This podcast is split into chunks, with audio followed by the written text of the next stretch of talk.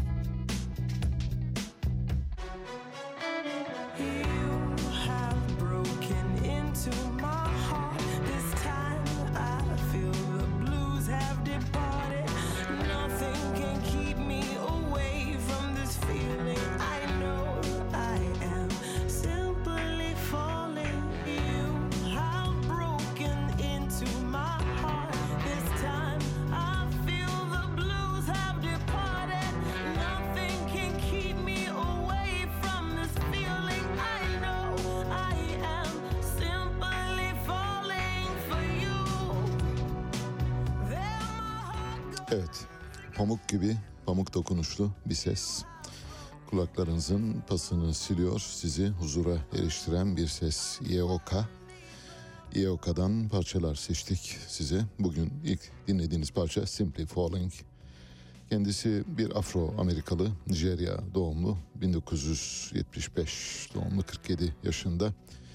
Amerikalı bir şair aynı zamanda, söz yazarı, aktivist, eğitimci ve TED Global üyesi. R&B, e, rock, hip hop ve cazdan ögeler içeriyor. Müzikleri daha çok. Çok hit olan bir parçası var. Onu ikinci sıraya bıraktık. Say Yes, Say Yes'i dinlediğiniz zaman Yeoka'nın nasıl büyük bir sanatçı olduğunu daha iyi anlama imkanımız olacak. Başlıyoruz. Günün e, üzücü olmakla beraber vermemiz gereken bir spor haberi var. Maalesef kadın A milli voleybol takımımız Dünya Kupası'na veda etti. Dün itibariyle dün Amerika Birleşik Devletleri ile çeyrek finalde karşı karşıya geldi. Zaten Amerika'nın çok güçlü bir rakip olduğunu söylemiştik.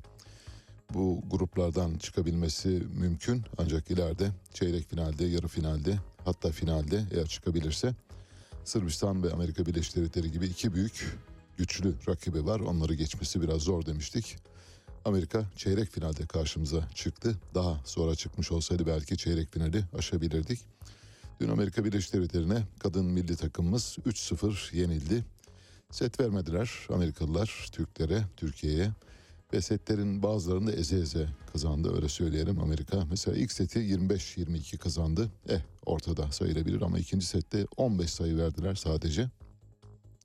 O kadarla sınırlı kaldık. Üçüncü seti de 25-20 kazandı ve böylece kadın A milli voleybol takımımız Dünya Kupası'na veda etmiş oldu. Canları sağ olsun.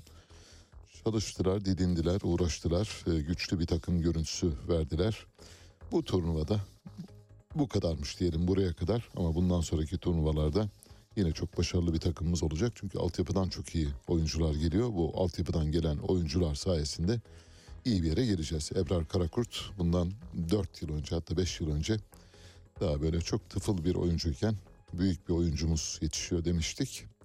Ve nitekim bugün Ebrar takımın bel direği, omurgasını oluşturan oyunculardan biri. Hepsi çok iyi oynadı. Hepsinin ayaklarına, bileklerine, ellerine, kollarına sağlık verdikleri çabalara biz müteşekkiriz. Amerika Birleşik Devletleri Türkiye'ye verdiği F-16'larla ilgili koşulları kaldırdı.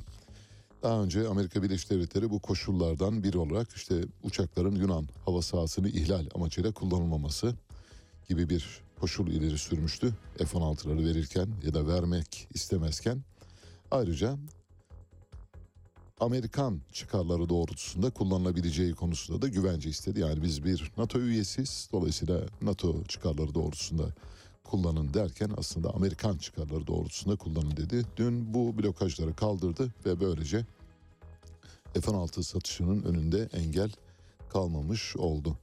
Ben neden kaynaklandığını tahmin ediyorsunuz. Amerika Birleşik Devletleri'ne biz bir adım attık. Onlar da bize doğru birkaç adım atıyorlar.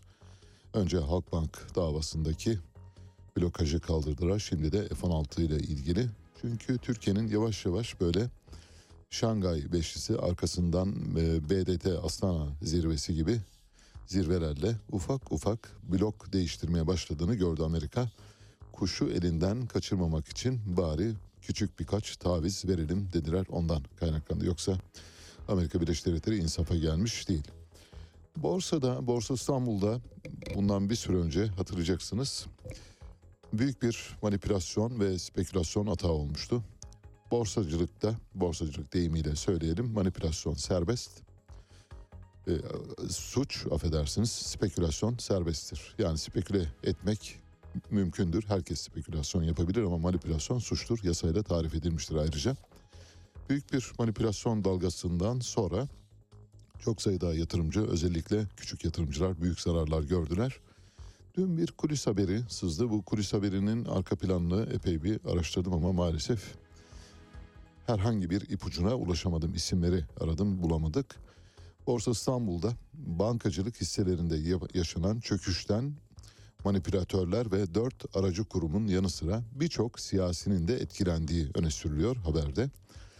AK Partili eski bir bakanın 4 liradan 5 milyon lot TSKB hissesi aldığı 7 Milliyetçi Hareket Partili milletvekilinin de 100 milyon liraya yakın para kaybettiği yine iddialar arasında. Eski bakan kimdir? 7 AK, e, Milliyetçi Hareket Partili milletvekili kimdir diye epey bir soruşturduk. Ser verip sır vermediler. Oysa muhtemelen aracı kurumlarda çalışanların pek çoğu bu isimleri böyle ezberlemiş durumdalar ama söylemek istemediler anladığımız kadarıyla. Bulursak paylaşırız. Özellikle eski bakanın kim olduğunu merak ediyorum. Bir defa iyi, iyi mal kaldırmış öyle söyleyelim borsa deyimiyle. Hakikaten çok iyi mal kaldırmış. Büyük bir parası var şu anda. Harca harca bitmez. A101 harca harca bitmez. TÜSİAD'dan sonra MÜSİAD'da baş kaldırdı diye bir haber var. Şimdi haberin içeriğine baktım. Haberin başlığıyla içeriği arasında bir uyumsuzluk var. MÜSİAD'ın baş kaldırdı falan yok. MÜSİAD sadece olan biten duruma ilişkin bir tespit yapıyor. Ancak haberi vermek isteyen ajans bu gözle baktığı için MÜSİAD da baş kaldırdı diye. MÜSİAD'ın baş kaldıracak hali yok. MÜSİAD en fazla Baş eğer ve kes başım incinmez, şeriatın kestiği parmak incinmez der diye düşünüyoruz. MÜSİAD'ın yeni başkanı, yeni derken epey oldu ama işte son başkanı Mahmut Asmalı sanayici ve üreticinin belirsizlik ortamını sevmediğini, sanayicinin faizleri konuşmaktan yorulduğunu, istikrar olsun o istikrarla da devam edelim. Sayın Cumhurbaşkanımız faizi Ekim'de Kasım'da yüzde dokuza düşürsün diyor. Şimdi mesela bu okuduğumun içinde bir başkaldırı var mı? Diyor ki sanayici üretici belirsizlikten hoşlanmaz. Bunu herkes söyler. Ben de söylerim. Herkes söyler. Faizleri konuşmaktan yorulduk diyor. E, bunu herkes söyler. Sayın Cumhurbaşkanımız faizleri indirsin 9'a kadar diyor. E bu zaten Cumhurbaşkanı bunu yapmak istiyor. Cumhurbaşkanına destek. Haberi yazmak isteyenler, yazanlar biraz böyle fazlaca pembe gözlüklerle bakıp ya da bir e, çıfıt çarşısı işi yapalım. Bu işi biraz kurcalayalım, biraz e, borsa deyimiyle söyleyelim, pandikleyelim ki biraz ortalık şenlensin demişler. Haberi böyle vermişler. Böyle bir şey yok. Müsiyat hükümetin bir uydusu, uydu e, iş, ada, iş insanları kuruluşu herhangi bir şekilde baş kaldırması söz konusu değil. Kaldırdıkları anda başlarını keserler öyle söyleyeyim. Başka ne diyor Mahmut Asmalı? Kredi muslukları tamamen kısıldı diyor. Bunu herkes biliyor, biz de biliyoruz ve söylüyoruz. Şirketlerin karının üçte ikisi faize gitti diyoruz. İşte demek ki bir faiz lobisi var. Cumhurbaşkanının karşı olduğu faiz lobisi. MÜSİAD'ın da tanımlamasıyla aslında faiz lobisine kurban edilen bir kesim var. Sanayicinin istikrar istediğini söylüyor MÜSİAD Başkanı Mahmut Asmalı. Bu arada TÜSİAD'la bir dayanışma içinde olabileceklerini ifade ediyor. İşte haberi kuran gazeteci arkadaşımız muhtemelen bu unsurdan yola çıkarak MÜSİAD'dan MÜSİAD'da baş kaldırıyor. TÜSİAD'dan sonra MÜSİAD'da baş kaldırıyor demek durumunda kalmış. Oraya da baktım orada da çok fazla bir şey yok. Şöyle diyor Mahmut Asmalı bakın tırnak içi ifadesini paylaşıyorum. Eski TÜSİAD Başkanı Simone Bey başkan seçildiğimde beni ziyarete gelmişti. Biz de seçilmesinin ardından Orhan Başkan'a iadeyi ziyareti gerçekleştirdik. Orhan Başkan dedi Orhan Turan yeni e, TÜSİAD Başkanı eski Türkonfet Başkanı. TÜSİAD heyeti geldiğinde onlara şöyle dedik. Bu ülke çok güzel. Bakın görüyor musun? Yani ortada fol yok yumurta yok hiçbir şey yok. Sıradan basit e, düz bir açıklama yapıyor. Bunu müsiyat baş kaldırdı diye verebiliyorlar. Bu ülke çok güzel Mahmut Asmalı söylüyor. Gelin bu ülkenin yanlış tanıtımını engellemek için lobi faaliyetlerini beraber yapalım. Kimle? TÜSİAD'la birlikte. Bugüne kadar neden yapmadınız? E vallahi bilmiyoruz işte zamanı geldi diye düşünüyoruz. Avrupa'daki birçok kuruluşa beraber gidelim. Kimle? TÜSİAD'la. Bugüne kadar neden gitmediniz? E bilmiyoruz vallahi. Biraz şey dedik, gaflet uykusundaydık. Ülkemizi ve yatırım fırsatlarını anlatalım. Neden peki? Neden yatırım fırsatlarını anlatmak için TÜSİAD'ı yanınıza alıyorsunuz? Çünkü sizi örgüt yerine koymuyorlar. İş insanı örgütü yerine koymuyorlar. Yani deyimi kullanmak istemiyorum ama anladınız. Yani Avrupa sizi maalesef herhangi bir şekilde saygın bulmuyor. Saygın bulmadığı için de TÜSİAD'ı yanınıza alıyorsunuz. TÜSİAD yanınıza böyle apoletlerini parlata parlata gelecek. Avrupalılara diyeceksiniz ki bakın TÜSİAD'ı da getirdik. Biz de müsiadız. Geldik ülkemize yatırım yapın diye bir fırsatları anlatalım. Fırsat mı var ülkede diye soruyorum kendi kendime yok. Bu konuda TÜSİAD'la görüşmelerimiz sürüyor. Daha ortada bir şey yok bu arada. Fol yok, yumurta yok. İş insanları muhakkak diyalog halinde olmalı Mahmut Asmalı söylüyor. Bizim siyasi çekişmelerden ve politik güncel gelişmelerden uzak, ülkemizin gelişmesi ve kalkınması için el ele vermemiz gerektiğini düşünüyoruz. Biz bu konuda terörle iltisaklı olmayan her kuruluşla görüşüyoruz. Onu da koyuyor araya. Yani biz teröre karşıyız. Terörle zaten işiniz olamaz ya da bu vahiste terörün yeri hiç olmamalı. İnsanlığın tarihi nereye doğru gidiyor derseniz bildiğiniz gibi dünyamız 4.6 tam yılıyla söylemek gerekirse 4.66 milyar yaşında şu anda. İşte bulunan bazı DNA örnekleri var. En son Çin'de bir DNA bulundu ve DNA'nın 1 milyon yıllık olduğu ortaya çıktı. Önceki günde Antarktika kıtasının kuzeyinde Skotya denizinin çözeltilerinde bir eski deniz anası, deniz DNA'sı tespit edildi. O da 1 milyon yıllık. Daha eski bulunan bir DNA var. O da 1 milyon 200 bin yıllık. Yani insanlığın tarihini 1 milyon 200 bin yıl öncesine kadar götürüyor. Kim götürüyor? Bilim götürüyor. Peki bu durumda Havva anamız, Adem babamız, yasak elma, cennet, cehennem bunlar var mı yok mu? Hem var hem yok. DNA'ya bakarsak yok. Ama kutsal kitaplara ve halkın inanışlarına, insanların inanışlarına bakarsak var. Havva anamız Adem babamızı kandırdı, yasak elmayı yedirdi. O yüzden Tanrı onları cennetinden kovdu. O yüzden dünyaya geldiler. Demek ki dünya yaşanacak bir yer değil. Çin'den sonra Antarktika'da da 1 milyon yıllık DNA bulununca artık insanlığın tarihinin çok gerilere dayandığı ve esatir diye düşündüğümüz yani efsaneden ibaret olan bazı şeylerin de aslında insanlığın hayatına sonradan girdiği. Adem babamız ya da Havva anamız var mı, var mıydı yok muydu bilmiyoruz. Diyelim ki vardı ama Adem babamız ve Havva anamızdan önce de insanlar vardı. Bu durumda yaratılış teorisi çökmüş oluyor. Evrim teorisine doğru böyle ufak ufak bir geri doğru gidiş yapmak zorundayız. Almanya'daki Bonn Üniversitesi ve Avustralya'daki Tazmanya Üniversitesi'nden bilim insanları DNA'nın 1 milyon yıllık olduğunu tespit ettiler. DNA örneğinin iklim değişikliğinin gelecekte, burası çok önemli, Antarktika'yı nasıl etkileyeceğini anlamaya yönelik çabalarda faydalı olacağı düşünülüyor. Yani şöyle, elimizde bir numune var, bir DNA numune, numunesi. Bu numuneye bakarak dünya bir kez hercümerç olmuş yani bir kıtlık, bir don dönemi, bir buzul dönem yaşamış ve bu buzul döneminden sonra tekrar buzullar çözülmüş, normale dönmüşüz. Mini buzul dönemleri de yaşadığını biliyoruz dünyanın bu arada. Bu DNA örneğine bakarak Antarktika'nın bundan sonra ne zaman yeni bir buzul çağına girebileceği ya da Antarktika'da mevsimsel değişimin nasıl olabileceğini anlayabileceklerini düşünüyorlar bilim insanları. Bu bakımdan devrimsel bir buluş olduğunu söyleyebiliriz. Makale e, hakemli bir bilimsel dergi olan Nature Communications'ta yayınlandı. Araştırmanın yazarlarından Lindra Armbrecht bu bugüne kadar doğrulanmış en eski deniz çökeltisi DNA'sı diyor. Daha eskisini bulamadık diyor. Daha eskisi yok mu? Var. Bundan bir süre önce Çin'de bulunan bir örnek var. O da 1 milyon yıllık. En eskisi 1 milyon 200 bin yıllık. Bu da İsveç'in Stockholm kentindeki Paleogenetik Merkezi'nden araştırmacıların elde ettiği bir bulguydu. Mart 2021'de keşfedilmişti. Orta Doğu Teknik Üniversitesi'nden 3 bilim insanı da bu araştırmaya katılmıştı bu arada. Ve bir mamuta ait olduğu tespit edilen DNA tam tamına 1 milyon 200 bin yıl yaşında olarak tespit ediliyor. Kemal Kılıçdaroğlu Amerika Birleşik Devletleri ziyaretlerini sürdürüyor.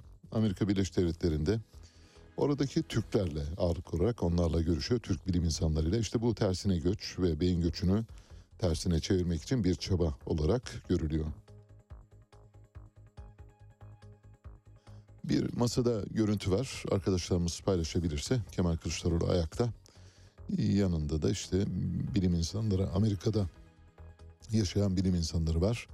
Bunlardan bir tanesi Daron Acemoğlu, Profesör Canan da Dağdeviren, Zeynep Ton, Dani Rodrik, Asu Özdağlar, Pınar Doğan, Mehmet Toner ve Gökhan Hotamışlıgil, Bilge Yıldız gibi isimlerle bir araya gelmiş durumda.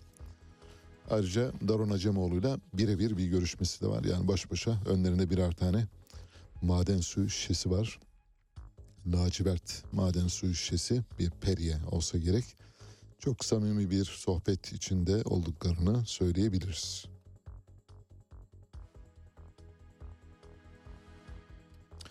Daron Acemoğlu bildiğiniz gibi Türkiye'yi yurt dışında temsil eden önemli bilim insanlarından biri. Daron Acemoğlu görüşmesinin bence başlı başına tek başına önemli bir faktör olduğunu düşünüyorum. Türkiye ekonomisinin yeniden yapılandırılması konusunda Daron Acemoğlu'nun katkıları olabilir. Geçmişte Daron Acemoğlu'na AK Parti hükümetleri tarafından gelin bizimle çalışın yolunda bazı önermelerde, önerilerde bulunulmuştu ama Daron Acemoğlu bunları kabul etmemişti. En son Daron Acemoğlu'nu Türkiye'nin OECD nezdinde daimi büyükelçisi yapmak istemişlerdi.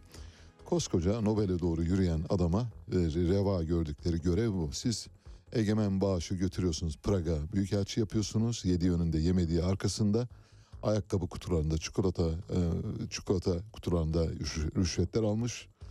E, ve Londra'ya e, büyükelçi atıyorsunuz. E, şaibeli ve arkasından pek çok şey söylenebilecek e, birisi. Ama Daron Acemoğlu'na gel siz bizim OECD nezdinde daimi büyükelçimiz olun. Daron Acemoğlu en az Türkiye ekonomisinin yönetiminde işte geçmişte Ali Babacan'ın görevi neyse geçmişte Kemal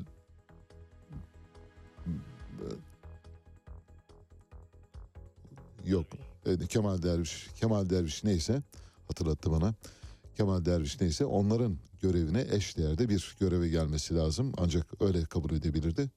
Böyle bir görevlendirme olmadığı için Daron Acemoğlu da bize biraz kırık. Daron Acemoğlu Ermeni kökenli bir Türkiye Cumhuriyeti vatandaşı. 1967 doğumlu. İlk öğretimini Kadıköy'deki Aramyan Uncuyan Ermeni İlkokulu'nda tamamladı. Galatasaray Lisesi mezunu 1986. Galatasaray Lisesi'nden arkadaşları var, tanıyanlar var. Çok iyi bir öğrenci olduğunu söylüyorlar. Daron Acemoğlu profesör. Kendisi John Bates Clark madalyasının sahibi. John Bates Clark madalyası nedir derseniz Nobel ödülü kazanan kişilere Nobel yolunda verilen ödüllerden bir tanesi. Koşulu şu 40 yaşın altında olmak kaydıyla alabiliyorsunuz. Daron Acemoğlu 40 yaşın altında John Bates Clark ödülü aldı. John Bates Clark ödülü alan iktisatçıların yüzde 40'ı sonraki 10 ya da 15 yıl içinde mutlak surette Nobel alabiliyor. Yüzde 40'ından bahsediyoruz. Bunların arasında Paul Krugman var, Joseph Stiglitz var. Bu isimler yine John Bates Clark aşamalarından geçerek Nobel'e uzanmışlardır. Ve Daron Acemoğlu'nun da potansiyel bir Nobel İktisat Ödülü adayı olduğunu söyleyelim. Bu ödülü kazananların yüzde 40'ı kazandığına göre neden Daron Acemoğlu da kazanmasın diye soruyoruz. Daron Acemoğlu'nun birkaç önemli kitabı var. Bir tanesi örneğin son zamanlarda işte Nobel'e doğru yürüyüşünü hızlandıran kitaplardan bir tanesi Ulusların Çöküşü diye. Ulusların Çöküşü kitabını bendeniz okudum.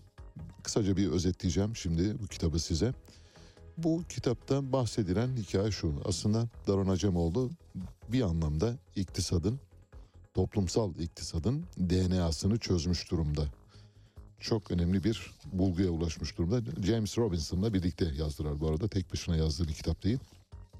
Eğer Nobel alırsa James Robinson'la birlikte alacaklar ama kitabın ana omurgasını Daron Acemoğlu'nun oluşturduğunu biliyoruz.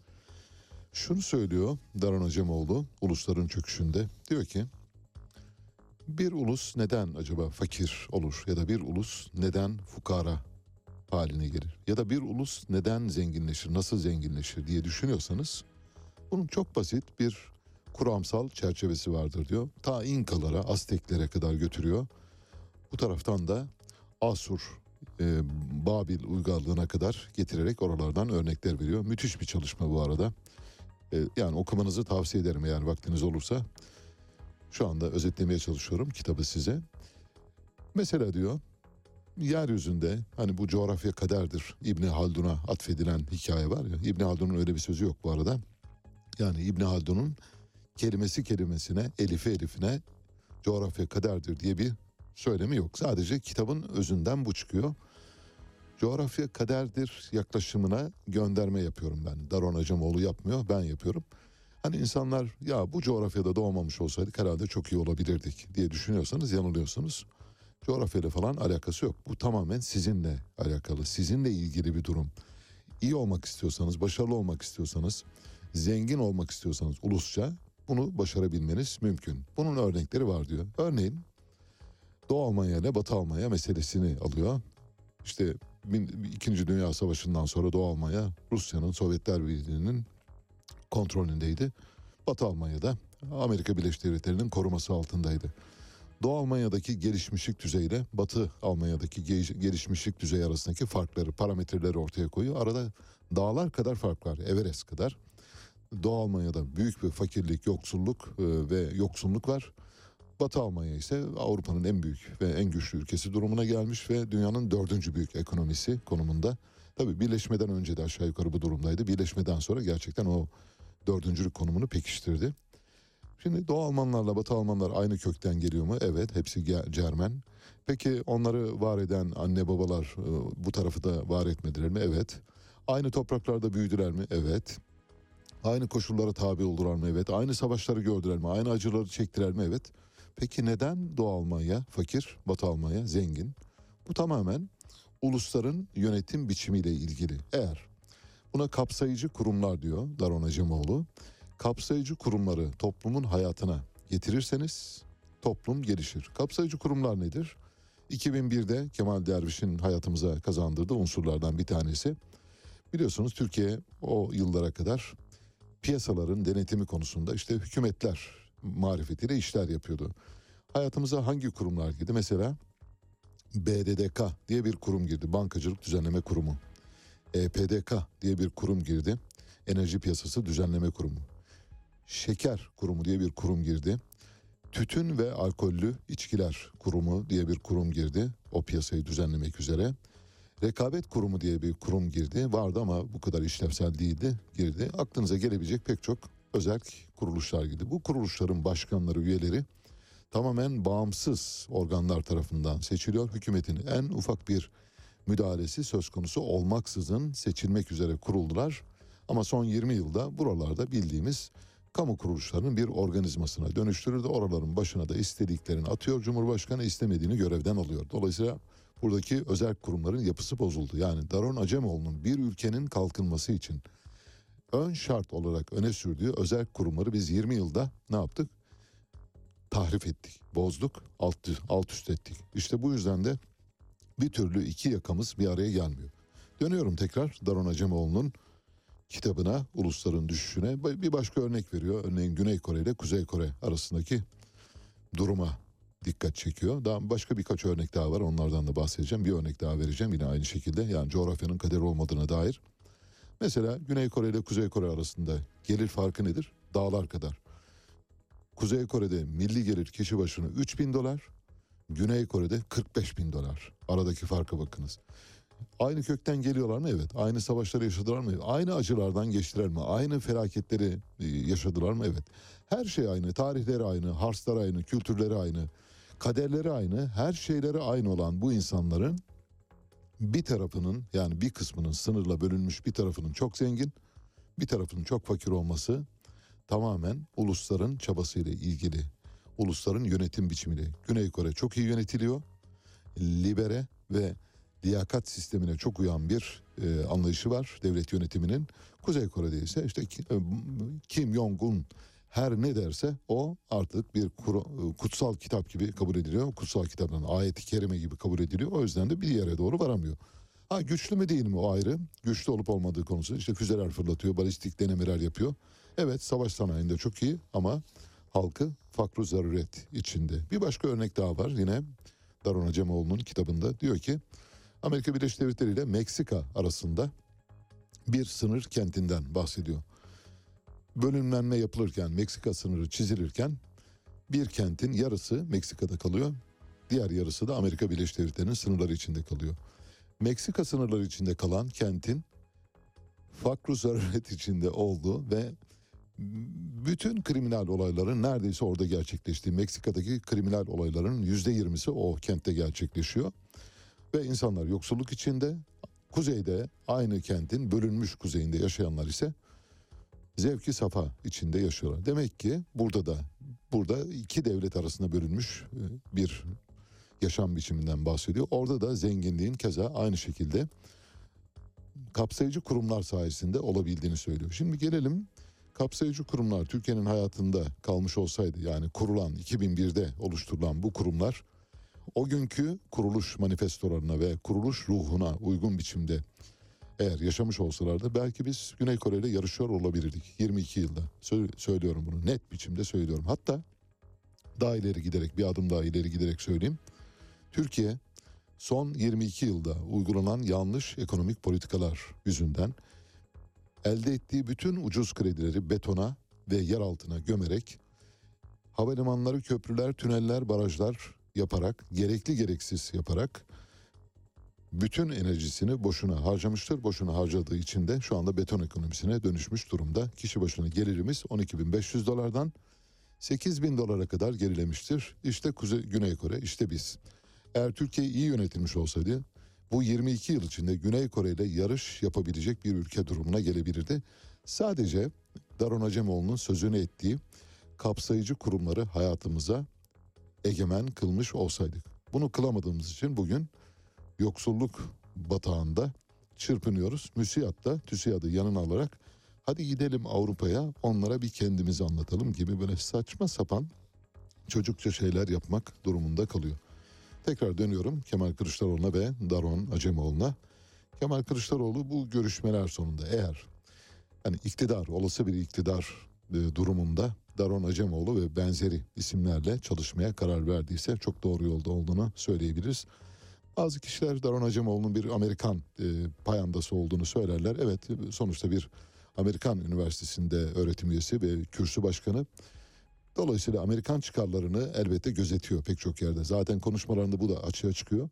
Ama siz onu Türkiye ekonomisini ihya etmek üzere getirdiğiniz zaman kontrol edebilme gücünüz var. İzin vermezseniz izin vermediklerinizi yapmaz. Eğer o da geldikten sonra o da bütün paraları betona gömerse anlarsınız ki Amerikan çıkarları doğrultusunda hareket ediyor. Bugünkü beton ekonomisinin arkasında Amerikan çıkarları vardır. Nereden biliyoruz? Bir ekonomik tetikçinin itirafları serisinin dört kitabını sizinle paylaşmıştık. John Perkins. John Perkins diyor ki ülkelerin altyapılarını onarmak, altyapılarını geliştirmek için bütün kaynaklarını sömürürler. Zenginlik kaynakları varsa onları zaten madenleri toplayıp götürürler. Zenginlik kaynakları yoksa o ülkelere kredi açarlar. O kredileri daha krediler Amerikan bankalarını terk etmeden ülkede yatırıma dönüştürürler. Ülke sadece yatırım yapmış olmakla kalır. O yatırımın da ülkenin gelişmesine, sanayileşmesine en ufak bir katkısı yoktur. Söylüyorum, soruyorum şimdi. 15 bin kilometreden fazla duble yol yapıldı. 5 bin kilometreden fazla otoyol yapıldı. Şu kadar baraj yapıldı, şu kadar havalimanı yapıldı. Her ilde havalimanı var, her ilde üniversite var. Her yerde devasa büyük camilerimiz var gibi şeylerle övünüyoruz. Şu kadar şehir hastanemiz var. Bütün bunlar bizi nereye taşıdı? 12.500 dolardan kişi başına 8 bin dolara taşıdı. Geriye doğru gidiyoruz. Demek ki bir yanlış var. Bir yanlış yapıyoruz. Yani yanlışı yaptığımızı görmek istemiyoruz. İşte bu yanlışın yapıldığını Daron Acemoğlu'nun kitabını okursanız orada net biçimde görebilirsiniz. Türkiye son 22 yıldır ekonomik tetikçilerin muhasarası altında, kuşatması altında maalesef yönetildiğimizi zannediyoruz ama öyle bir şey yok. Süt fiyatlarıyla ilgili bir küçük ara. Enflasyon bir armut gibi böyle olgunlaşıp daldan düşebilecek bir data değildir dedi. Şimdi fiyatlar düzeyi belli bir seviyeye kadar ulaştığında hepimizin günlük hayatında biz ne yapıyoruz? İşte bir bardak 10 lira, yarın 15 lira oluyor, bir gün 20 lira oluyor. Siz eskiden altılı bir bardak alırken üçlüye dönüyorsunuz, ikiliye dönüyorsunuz. Talep burada azaldığında belki enflasyonun belli bir noktada durması sonucu oluşabilir. Enflasyon bir armut değildir. Olgunlaşıp dalından düşmesini beklemeyiniz değil mi? Bunu bir e, motto olarak yazmak lazım. Tarım ve Orman Bakanlığı süt krizini bitirdi sayılır. Henüz bittiğini söyleyemeyiz ama en azından süt destekleme fiyatı artırıldı. iki buçuk kat artırıldı ve üreticinin eline süt üreticisinin eline net ay, litre başına 9 lira geçmesi mümkün olabilecek. Daha önce 7,5 lira olarak açıklanmıştı. Üretici ayaklandı. Sonra fiyat 8,5 liraya çekildi. 50 kuruşta destekleme primi uygulanıyor. Dolayısıyla üretici sütünü mandıradan ya da çiftlikten çıkardığı andan itibaren eline 9 lira geçebilecek durumda. İyi mi kötü mü bilmem ama en azından bir önceki duruma göre daha iyi ve üreticilerin şimdilik teskin olduğunu düşünüyoruz. Süt fiyatları konusunda yürütülen bir mülaza var. Onu da paylaşmış olayım. Şu anda bu son süt artık para etmiyor. Süt sudan ucuz hale geldi gibi şeyler konuşuluyor biliyorsunuz medyada. Bu hale geldiği için de üretici hayvanını kesmek zorunda kaldı. Son bir yılda 350 bin hayvan yani süt e, verimi aldığımız hayvan koyun ya da inek kesilmiş durumda. Yine sektördeki önemli yetkililerin verdiği bilgilere göre, sivil toplum örgütü yetkililerinin verdiği bilgiye göre eğer bu böyle devam ederse, sütteki bu fiyatlandırma politikası devam ederse yıl sonuna kadar 1 milyon 700 bin hayvanı kesecekler ve mezbahaya gönderecekler. Şimdi bu 9 lira fiyat acaba hayvanların kesilmesine engel oldu mu olmadı mı derseniz göreceğiz hep birlikte. Üretici sesini çıkaramaz duruma gelmiş vaziyette. Kadıköy'deki patlamayla ilgili olarak İçişleri Bakanı Süleyman Soylu şöyle dedi. Evde havai fişek yapımında kullanılan malzeme tabanca bulundu ancak terör bağlantısı tespit edilemedi. Şimdi bunu tek tek cümle cümle analiz etmeye çalışacağım ve Süleyman Soylu'nun aslında gerçekleri nasıl ters yüz ettiğini kanıtlamaya gayret edeceğim. Bir defa evdeki patlamanın havai fişek patlaması olup olmadığını bilmiyoruz. Evdeki patlamanın bir bomba imalinden kaynaklanıp kaynaklanmadığını da bilmiyoruz. Ama Süleyman Soylu tabii çok cin fikirli ve fikirbaz insanların etrafında olduğu bir bakanlığı yönettiği için ona dediler ki efendim havai fişek diyelim sonra bakarız dediler. Vallahi bence havai fişek değil o. Mesela maytap yapmış olabilirler, mantar yapmış olabilirler. Çatapat üretmiş olabilirler, yıldız döken üretmiş olabilirler. Aklınıza gelebilecek her şey. İşi bu kadar böyle basite indirgeyip şirazesinden çıkarmanın anlamı yok. Orada bomba imal edilmesiyle ilgili bir şüphe var, kuvvetli bir şüphe var. Zaten patlamadan hemen sonra İstanbul valisi yok orada doğalgaz patlaması vardı dedi. Allah'tan Ekrem İmamoğlu çıktı hemen dedi ki orada doğalgaz yok. Doğalgazın olmadığı bir yerde doğalgaz patlaması olmaz diye. Valilik açıklamayı değiştirmek zorunda kaldı. Şimdi geldiğimiz noktada orada havai fişek mi üretiliyor? Yok havai fişek değil çatapat, yıldız döken, maytap ve mantar üretiliyordu. Yani işin insanların hayatını bu kadar yakından ilgilendiren yani terör bizim en büyük korkumuz. Bu konuda bile ciddi davranmayıp böylesi şeyler sarf etmiş olması gerçekten üzüntü verici. Şöyle diyor Süleyman Soylu, patlamanın nereden kaynaklandığını değerlendirirken ilk bilgilere göre itfaiyede %70 civarında bu sayın valimize şifayen doğalgaz patlaması olabilir dedi. İtfaiye söylemiş güya bilmiyoruz. Bu ilk görgü. Daha sonra binanın içerisine girilince bir değerlendirme yapıldı. Doğalgazdan olmayabileceği konusu ortaya çıktı. Bunu bile bile yaydınız valilik aracılığıyla. Hemen ilk önce bir yaralı var denildi. Daha sonra 3 kişinin hayatını kaybettiği ortaya çıktı. Bize masal anlatıyor bu arada. Daha sonra şöyle bir tezvirat ortaya çıktı. Tezvirat diyor. Tezvirat biliyorsunuz bir şeyi gerçeğini gerçeğinden saptırmak için kullanılan hülle yöntemidir. Olmadık bir yerden alırsınız ve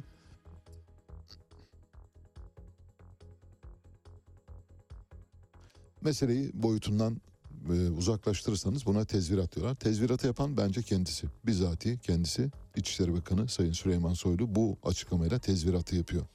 Şöyle diyor, Özbekler tezviratı anlatıyor. Orada bomba imal ediyorlardı. Allah'tan korkuları yok. Bu FETÖ öyle kirletmeye çalışıyor ki acaba öyle mi? Sorularını zihinlerimizde oluşturuyorlar. FETÖ'nün bot hesapları devreye giriyor. Hemen psikolojik bir harekat başlatıyorlar. Arkadaşlarımız yaptıkları tetkikler çerçevesinde olay terörde olabilir, olmayabilir de. Şu anda elde ettiğimiz bilgileri sizlerle paylaşmak isterim. Maalesef, şimdi buraya dikkat edin lütfen. 1959 doğumlu MK, Özbekistan uyruklu, yakınlarının ve akrabalarının şizofreni hastası olduğunu söyledikleri son 3 ayda evden birkaç kez çıktığının değerlendirildiği evde 3 kişi vardı bu arada. Tek başına yaşamıyor. Yani hani yalan söylerken mesela bunlara dikkat etmek lazım. Sol ayağının kesik olduğu yani sakat diyor bu adam terörle uğraşıyor. İşte asıl, asıl o adam bombayı çok iyi yapar oturduğu yerden uğraşarak. Evde birçok metal parçaları bulunmuş. Bunların hepsi havai fişeğe mi acaba? Metal parçaları. E, toz halinde bulundurduğu maytap varmış. Havai fişek gibi piroteknik bir malzeme olduğu. Ama evinde sanki kuru sıkıdan bozma 7.65 santimetre e, çapında bir tabanca, milimetre çapında bir de tabanca bulundu diyor. Şimdi bakın evde tabanca var, metal artıkları var. E, patlayıcı malzeme üretiminde kullanılan pek çok e, kimyasal var.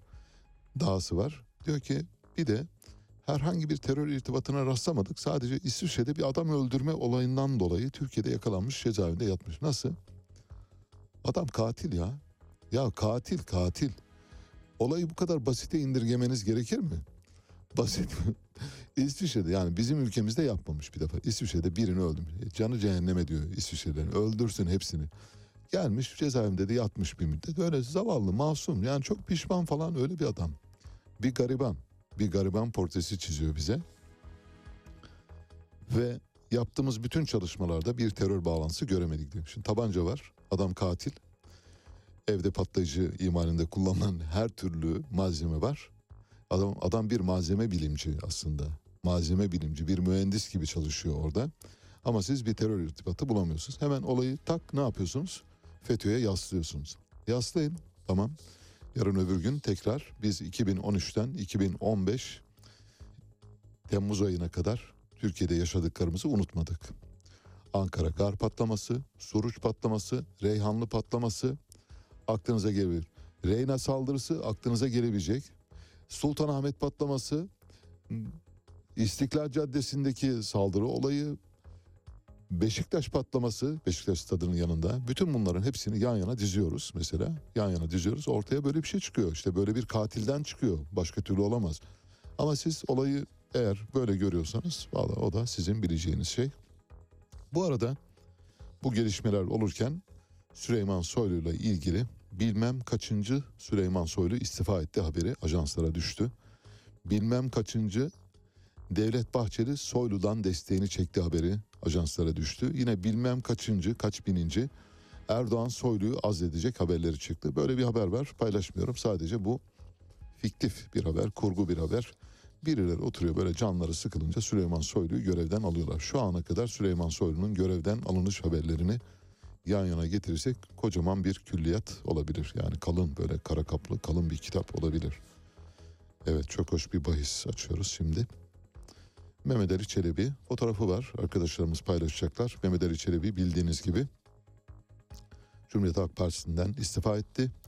Oradan Memleket Partisi'ne tornistan yaptı. Arkasından da AK Parti'ye doğru pupa yelken yönünü çevirdi ve dün AK Parti'ye katıldı.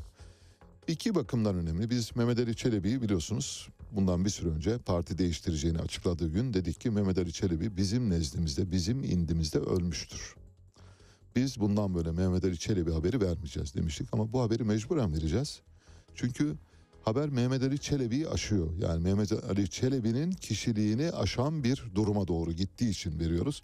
Yoksa Mehmet Ali Çelebi ile ilgili bundan böyle herhangi bir şekilde herhangi bir yayında böyle birinin yaşadığına dair bir bulguya e, rastlamadığımızı belirterek hareket edeceğiz. Öyle yok kabul ederek hareket ediyoruz. Ediyoruz da nitekim ama bugün bahsedeceğiz. Mehmet Ali Çelebi Memleket Partisi'ne girdiğinde o zamanlar işte tabii Muharrem İnce esiyor, gürlüyor, fırtına gibi. Sonradan ses kayıtları çıktı bildiğiniz gibi. Bir e, resepsiyon görevlisine ağza alınmadık küfürlerle. Bunu ben sosyal medya hesabımdan da yayınladım. Ayrıca radyodan da o bölümlerini bipleyerek, sansürleyerek yayınladık. Ağza alınmadık şeyler söylüyor.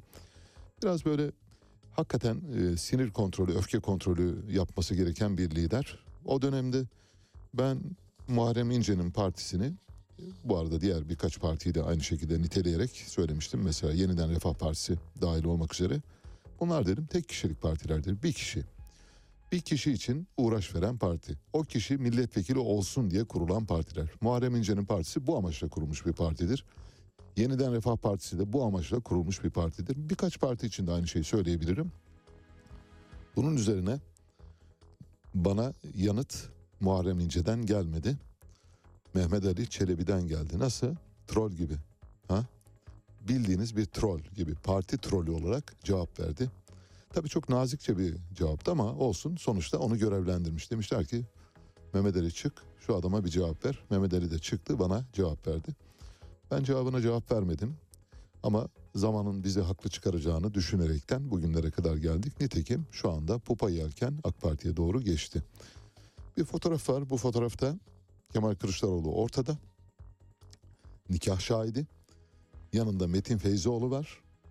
AK Parti'ye doğru tornistan eden Cumhuriyet Halk Partisi Parti Meclisi üyeliğinden AK Parti'ye doğru tornistan eden en sonunda da Lefkoşa Büyükelçiliği ile taltif edilen Metin Feyzioğlu. Eski Barolar Birliği Başkanı var. O da nikah şahidi. Yanında da Mehmet Ali Çelebi var. Mehmet Ali Çelebi'nin nikah şahitleri Kemal Kılıçdaroğlu ve Metin Feyzioğlu. Demek ki biri bozacının şahidi şıracı demek lazım. Burada Kemal Kılıçdaroğlu'nu da izam ediyorum, itham ediyorum hatta.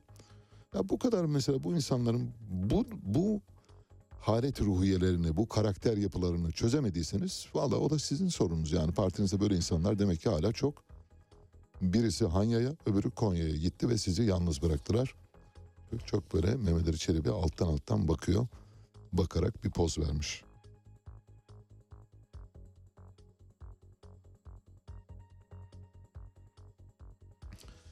Şimdi Mehmet Ali Çelebi'nin bu transferinin neden bu kadar önem taşıdığını söyleyeceğiz. Yani Mehmet Ali Çelebi ile haberleri vermeyeceğimize söz verdiğimiz halde neden verdiğimizi düşünüyorsanız şundan dolayı. Bir defa Barış Arkadaş gazeteci bundan aylar önce 8 evet aylar önce Mehmet Ali Çelebi Adalet ve Kalkınma Partisi'ne geçiyor diye bir tweet paylaştı. Bunun üzerine Mehmet Ali Çelebi şöyle yazdı. Dedi ki senin yalanlarını ispatlayacağım, rezil edeceğim. HDP sefer, sever Barış Efendi özür dileyeceksin diyor. Şimdi Barış arkadaş diyor ki şimdi özür dileme mevkinde kim var diyor. Ben aylar önce söyledim sen bana bunları söyledin üstteki de HDP sever dedin. Hakikaten kontrolsüz bir e, siyasi kişilik bence Mehmet Ali Çelebi. Gerçekten e, bir psikoterapik seanstan geçmesi lazım. Mesela bir MMPI ve Rorschach testi falan yapılması lazım. Kişiliğiyle ilgili hakikaten büyük deformasyonlar ortaya çıkabilir. Bunu söyleyen adam bir süre sonra geçiyor AK Parti'ye. O hakkıdır olabilir ama en azından bunları söylemeyin. Mesela o zaman çıkıp gazeteciye Barış Efendi ben seni rezil edeceğim HDP sever gibi ithamlarda bulunmayınız. Sessiz kalınız. Hayır sessiz kalmıyor. Tıpkı Muharrem İnce hadi bakalım Mehmet Ali şu adama bir cevap ver dediği zaman kaleme kağıda sarılıp e, klavyenin başına geçip efelik tasladığı gibi aynı şeyi yapıyor. Burada da aynı şeyleri yapacak göreceksiniz. Çünkü hani derler ya e, can çıkar huy çıkmaz. Meşrebi böyle yani meşrebi böyle olduğu için maalesef burada da aynı şeyleri yapacak. Bugünden Sayın Cumhurbaşkanı'nı uyarmış olalım. Mehmet Ali Çelebi'nin AK Parti'ye katılması çok önemli bir siyasi inşanın aynı zamanda ayağı oluş, oluşuyor, oluşturuyor, ayağını oluşturuyor. Bildi- Bildiğiniz gibi Rütük'te bir üyelik boşalmıştı. AK Partili bir üyenin görev süresi dolduktan sonra bir üyelik boşaldı. Fakat Rütük üyeliğinin seçimi Türkiye Büyük Millet Meclisi'nde grubu bulunan partilerin oy nisabına göre yapılıyor. Oy oranına göre yapılıyor. İşte en fazla AK Parti hükümet üyesi olduğu için onlar dört tane seçiyor. Bir tane MHP seçiyor. Etti beş. Dolayısıyla e, ittifak şeyini e, tamamlamış oluyor. Ama bir CHP HDP'nin de üyeleri var. Onlar çoğunluğu oluşturamıyor. Yani bir karar geçtiği zaman Rütük'ten e, Milliyetçi Hareket Partisi ve AK Parti'nin üyeleri oy verdikleri takdirde ki veriyorlar blok halinde o zaman bütün kararlar geçiyor.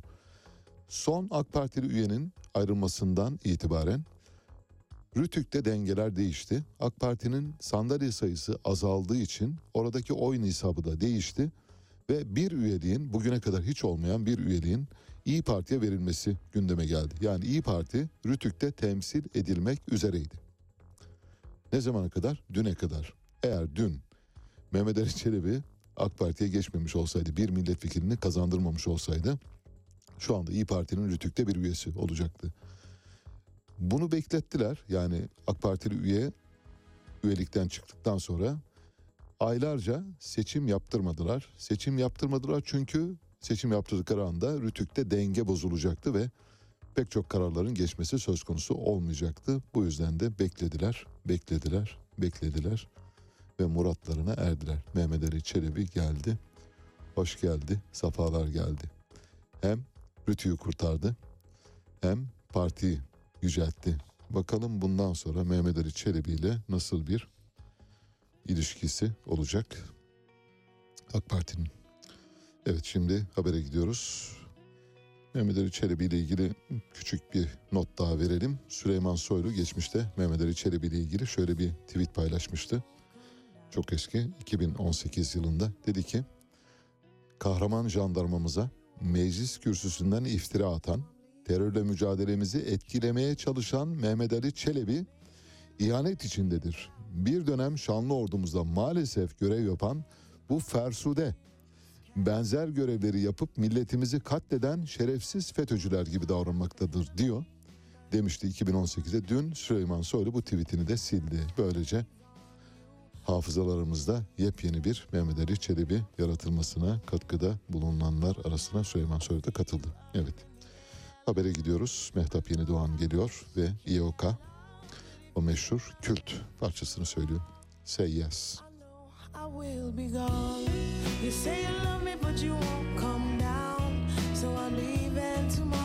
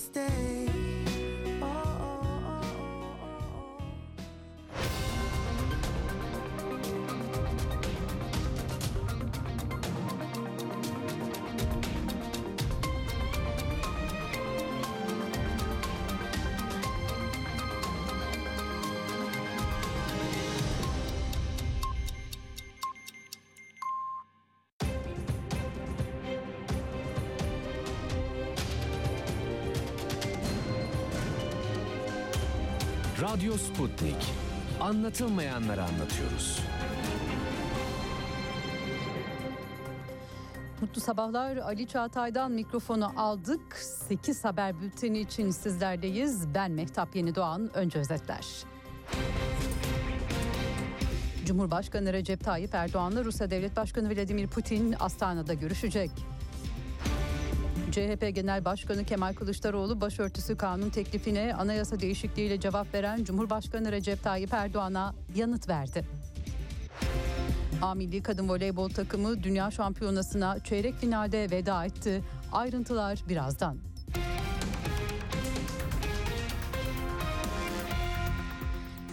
Haberlerin ayrıntılarıyla devam ediyoruz bültene. Cumhurbaşkanı Recep Tayyip Erdoğan Asya'da işbirliği ve güven artırıcı önlemler konferansı için bugün Kazakistan'a gidecek. Erdoğan Astana'da gerçekleşecek zirvede yarın Rusya Devlet Başkanı Vladimir Putin'le görüşecek. Bu iki liderin son 3 aydaki dördüncü yüz yüze görüşmesi olacak. Görüşmeye ilişkin Cumhurbaşkanlığı Sözcüsü İbrahim Kalın'dan açıklama geldi. Sayın Cumhurbaşkanımız Sayın Putin'le Astana'da bir görüşme yapacak. Orada o toplantı marjında Sayın Cumhurbaşkanımızın diğer liderlerin yanı sıra Sayın Putin'le de Perşembe günü bir ikili görüşmesi olacak. Biz öncelikle diplomasinin kapısını açık tutmak istiyoruz. Savaş şiddetlenince ki şu anda da maalesef şiddet artacak gibi görünüyor. Artık diplomasinin zemini kalmadı diye düşünenler genelde yanılırlar. Aslında tam tersine diplomasi böyle dönemlerde daha da önemli hale gelir. Kalın bu açıklamaları 24 TV'de yaptı ve Kalın Cumhurbaşkanı Erdoğan'la Suriye Devlet Başkanı Beşar Esad görüşecek mi sorusuna da yanıt verdi. Şimdi şu anda böyle bir siyasi zemin yok. Biz böyle bir arayışın içerisinde de değiliz. Kendisinin de Prag'da ifade ettiği gibi diplomasinin kapısını hiçbir zaman tamamen kapatmazsınız. Bir miktar da olsa bir kapıyı hafif ara bırakırsınız. Yarın şartlar değişir, olgunlaşır. Bizim meşru ve makul gördüğümüz bir düzeye gelir. Ha, o zaman böyle bir ihtimal üzerinde durulabilir, bu konuşulabilir. İç siyaset gündemiyle devam edelim bültene. Siyasette başörtüsüne yasal güvence tartışması sürüyor. CHP'nin kamuda başörtüsüne yasal güvence için teklif ettiği yasa teklifine AK Parti anayasal düzlemi işaret ederek el yükseltmişti. MHP lideri Devlet Bahçeli dün konuyla ilgili partisinin meclis grup toplantısında konuştu. CHP samimi ise anayasa değişiklik teklifine destek versin dedi. Kılıçdaroğlu ve Cumhuriyet Halk Partisi yönetimi şayet samimi ise buyursunlar gündemdeki anayasa değişiklik teklifine destek versinler. Başörtüsü meselesini yasal değil anayasal güvenceye kavuşturmak için haydi gelin elinizi taşın altına koyun. Milliyetçi Hareket Partisi başörtüsü sorununun bütünüyle gündemden çıkarılması amacıyla hayırlı bir girişim olarak değerlendirdiği anayasa değişikliğine sonuna kadar vardır. E, CHP Genel Başkanı Kemal Kılıçdaroğlu'ndan da konuyla ilgili yeni açıklamalar var. Kılıçdaroğlu başörtüsü kanun teklifine anayasa değişikliğiyle cevap veren Cumhurbaşkanı Recep Tayyip Erdoğan'a Amerika Birleşik Devletleri'nden bu konu kapanmıştır yanıtını verdi. Bir dizi ziyaret için Amerika'da bulunan CHP lideri sosyal medya hesabından bir video pa- mesaj paylaştı. Kılıçdaroğlu iletisinde Erdoğan kim, anayasa aile kim, onunla ne aile konuşulur ne anayasa bu konu kapanmıştır dedi. Kılıçdaroğlu kendisini takip eden gazetecilere de kadınların başka problemleri de var onları da elbet söyleyeceğim. Onların da sırası gelecek açıklamasını yaptı. Kılıçdaroğlu başörtüsü Erdoğan'ın bir propaganda aparatına dönmüş durumda. Genç kadınlar adeta bu meseleyle rehin tutuluyorlar. Önerdiğimiz yasayla avukatın etek boyuna karışan hakim de tarih olacak. Aslında söylediğimiz şey çok basit. Bu aynı zamanda samimiyet turnusoluydu. Çıktılar anayasa değişikliğine gidelim dediler. Çarşamba dediler, cuma dediler. Olmadı ifadelerini kullandı. Ve bir spor haberi var sırada. Türkiye Milli Kadın Voleybol takımı Kadınlar Voleybol Dünya Şampiyonası'nın çeyrek finalinde Amerika Birleşik Devletleri'ne 3-0 mağlup oldu. Bu sonucun ardından ABD yarı finale yükseldi. Türkiye Dünya Voleybol Şampiyonası'na veda etti. Değerli dinleyenler haberleri sunduk. Biz yeni gelişmelerle saat 9'da tekrar birlikte olacağız. Ali Çağatay'la Seyir Hali programı da kaldığı yerden devam edecek.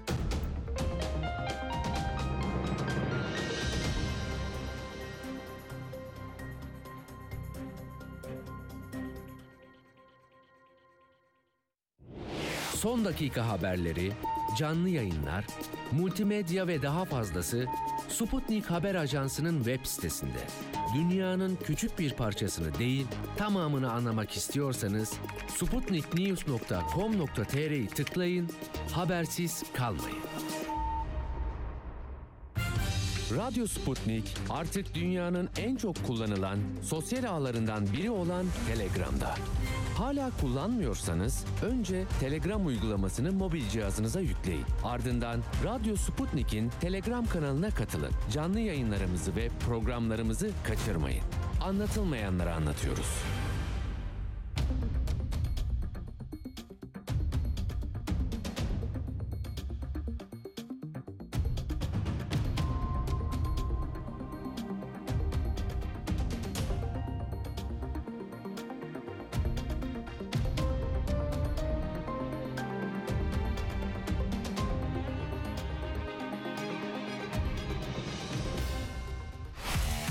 Erken başlayanların, gündemi ıskalamayanların, siyasetin, ekonominin, sanatın, kısacası hayatın seyrini kaçırmayanların programı.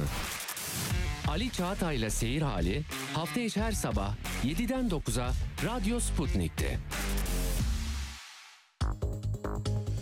Evet, yeniden birlikteyiz. Bu yeniden birlikteliğimizi karşılıklı silinen tweetler ve ortaya atılan iddialarla Mehmet Ali Çelebi'nin AK Parti'ye geçişiyle noktaladık. Süleyman Soylu'nun bu konudaki son işte attığı tweet'i de böylece sildiğini gördük. Dün bir polis intihar vakası da meydana geldi maalesef. Beyoğlu'nda İstiklal Caddesi üzerinde bir Beyoğlu hükümet konağı var bilirsiniz sol tarafta. Bu hükümet konağının girişinde kabinde görevli girişte görevli bir polis memuru orada bulunur nöbet tutar. Nöbet tutan polis memuru kaç yaşında olduğunu ve kimlik bilgilerini de bilmiyoruz maalesef. Beylik silahıyla kulübenin içinde intihar etti. Ki, e, yani herhalde kafasına sıktı diye düşünüyoruz. Sonra yaralı olarak Taksim İlk Yardım Hastanesi'ne kaldırıldı. En son yaşadığına dair bilgiler vardı ama bu son bir ayda resmi kayıtlara geçmiş 5. polis intihar vakası, intihar ve intihar girişimi vakası. Dolayısıyla polis teşkilatında büyük bir bedbinlik, büyük bir moralsizlik, büyük bir çöküntü ve depresyon var maalesef. 330 bin kişilik polis teşkilatının sorumlusu olan kişiler görevlerini yapmıyorlar. Polis teşkilatında amirlerin memurlarına mobbing uyguladığına dair çok sayıda kanıt var. Çok sayıda şikayet var, kamuoyuna yansıyan şikayetler var. Bunlara karşı duyarsız kalınıyor ve zavallı gencecik çocuklar hayatlarına son vermekle buluyorlar kurtuluşu. Başka türlü söylemek mümkün değil. Süleyman Soylu polis intiharları konusunda şöyle dedi. Bu bundan bağımsız olarak daha önce verdiği bir demeçte şöyle demişti. Polis intiharlarında ilk sırada evlilik çatışmaları ve ailevi sebepler var. İkinci sırada sebep ekonomik. Diğer sebepler duygusal yani karşı cins tarafından reddedilme, ilişkinin yürümemesi gibi konular. Her ne olursa olsun bu sebeplerin tamamının varit olduğunu kabul ediyoruz.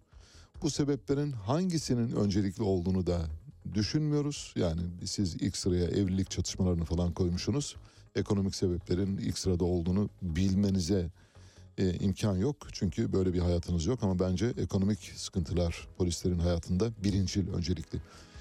Bir defa ekonomisi bozulunca, aile ekonomisi bozulunca işte çatışma orada başlıyor. Önce ekonomi bozulur, sonra aile ilişkileriniz bozulur, sonra çocuklarınızla ilişkileriniz, arkadaşlarınızla ilişkileriniz bozulur, çevreyle ilişkileriniz bozulur, topluma olan yabancılaşmanız artar. Her şeyin başı ekonomi. Ama Süleyman Soylu'ya kalırsa ilk sırada evlilik. Yani parası var cebinde harca harca bitmez bir parası var ama işte evliliği çok iyi gitmiyor çocuğun. Bu yüzden ya da kadının. Bu yüzden mi oluyor sizce? Öyle bir şey yok. Birinci sebep yoksullaşma ve insanların geçim kaygısıdır. Bu sebeplerden dolayı ortaya çıkmış bir durum var ama siz işin üstüne gitmek istemiyorsunuz. Güneşi balçıkla sıvamak istiyorsunuz. Asgari ücret artacak yılbaşıyla birlikte. Kasım ayında da bir ara asgari ücret artışı olabilir diye biliyoruz. Ee, Cumhurbaşkanı Erdoğan'ın yeğeni Cengiz Er'in sahibi olduğu bir internet sitesi Kasım ayında bir asgari ücret artışı yapılabileceğini iddia etmişti bilmiyoruz. Kaynak o olduğu için biz sadece o kaynağı paylaşmakla kalıyoruz.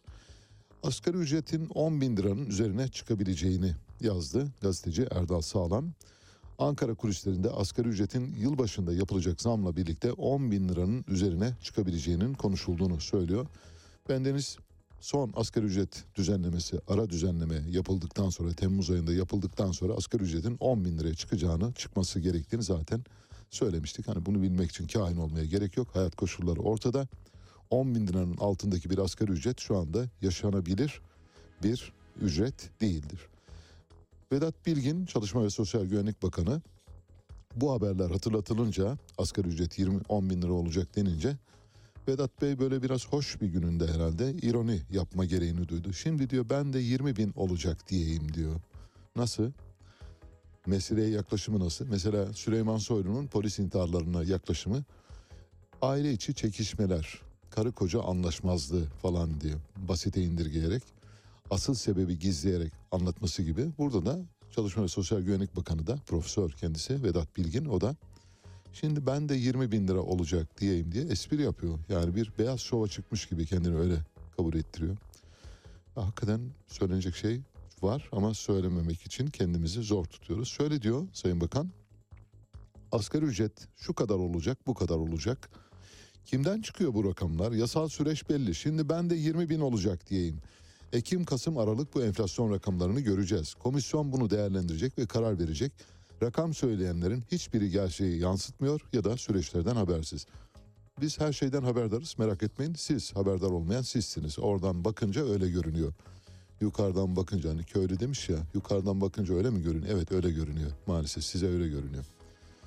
İran'da Mahsa Amini'nin öldürülmesinden sonra polisler Besiç paramiliter güçleri tarafından dövülerek öldürülmesi sonrasında olaylar İran'da devam ediyor. Ağırlık olarak İran Kürdistan'ına yayılmış durumda. Çünkü Mahsa Amini bir İran e, Kürt e, kökenli vatandaşıydı. Pek çok kentte gösteriler sürüyor. İran'ın güneyindeki petrol işçileri de greve giderek eylemlere destek verdiler. Kürdistan eyaletinde dün itibariyle sadece dün itibariyle 5 kişi hayatını kaybetti. Üniversite öğrencileri bu arada eylemlere katılıyorlar. Halkla birlikte hareket ediyorlar. İşçiler katıldılar. Ancak maalesef Ayetullah Hamenei yönetimi sokaklardan gelen bu sese kulaklarını tıkıyor. Dün Türkiye'nin cari işlemler dengesi verileri açıklandı. Ağustos ayı verileri. Ağustos ayı itibariyle Türkiye 3.11 milyar dolar cari açık verdi. Ve toplam yıllık cari açığımızda 40 milyar doların üzerine çıktı. Tam rakamı söyleyeyim 40 milyar 889 milyon dolar 41 diyelim. 41 kere maşallah 40 milyar doların üzerine çıkmış olması şu anlama geliyor. Bir defa gayri safi hasılanın %5'ini geçiyor bu durumda ve Maastricht kriterleri falan hepsi yengen oluyor. Orada Maastricht kriterlerini falan unutunuz. Orayı geçtik. GDP'nin %5'ini aşan bir kriterden bahsediyoruz. 40 milyar dolar. Hazine ve Maliye Bakanı Nurettin Nebati dün verdiğimiz bir haberde hatırlarsanız dedi ki Türkiye dünyadan pozitif ayrışıyor dedi. Biz de evet dedik. Doğru pozitif ayrıştığımız noktalar var ama negatif ayrıştığımız noktalar da var. Yani hem pozitif ayrıştığımız noktaları işaret edin hem de negatif ayrıştığımız noktaları işaret ederseniz doğru bilgi vermiş olursunuz. Gerçeğin bir bölümünü saklayan aslında gerçeği tahrif eden ve gerçek gerçeği açıklama konusunda halkın bilgi alması konusundaki hakkını ihlal eden kişidir.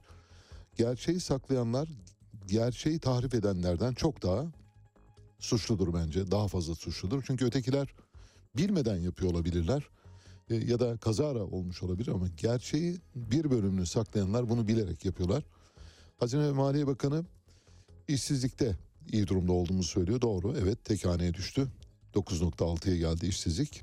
Dünyadaki elbette genel işsizlikle düşündüğümüzde Türkiye'nin işsizlik oranının fena sayılmayacak bir noktada olduğunu söyleyebiliriz. Büyümenin de çok iyi olduğunu söylüyor. Yani büyüme ve işsizlik verisi bakımından Türkiye'nin dünyadan ayrıştığını söylüyor. Tamam doğru evet her ikisine de katılıyoruz. Büyümede %5'e doğru gidiyoruz. İşsizlikte de tek haneye indik. Peki acaba size göre dünyadan negatif ayrıştığımız makro parametreler var mı? Var. Mesela cari açıkta dünyadan ayrıştık başka bir yere doğru gidiyoruz. Sal beni gideyim usta diyor şu anda cari açık. Sal beni gideyim gidebileceğim yerin sınırı yok diyor.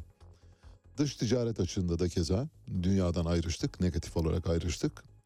Enflasyonda dünyadan değil her şeyden ayrışmış durumdayız. Şu anda bizim enflasyonumuza yetişebilen ülke yok. Yüzde 83,5. Bunları söylemiyor Hazine ve Maliye Bakanı. İki tane veriye bakarak diğer verileri göz ardı ederek dünyadan pozitif ayrıştığımızı söylüyor. Hayır. Dünyadan pozitif ayrıştığımız falan yok. Hatta dünyadan negatif ayrışıyoruz. Bunun yakında acısını çekmeye başlayacağız. Zaten süreç Osman Kavala'nın tutukluluğunun sürdürülmesi üzerine kurulmuş. Aynen. Bu tutukluluk devam etmesi için hukuka karşı verilen bir mücadele haline girmiş durumda. Merkez Bankası'nın son aylarda izlemiş olduğu para politikası doğrudan enflasyonda bu sıçramaya yol açtı. E, yani ve de, devamı da gelecek. Ülkeyi aslında öyle yönetiyorlar ki adeta koca bir survivor oyunu gibi. Bugün için önemli olan husus Türkiye'de bu sistemin değişmesidir. Bu sistem yani Cumhurbaşkanlığı hükümet sistemi Evet. maalesef uygulama aşamasında kağıt üzerinde durduğu gibi durmadı.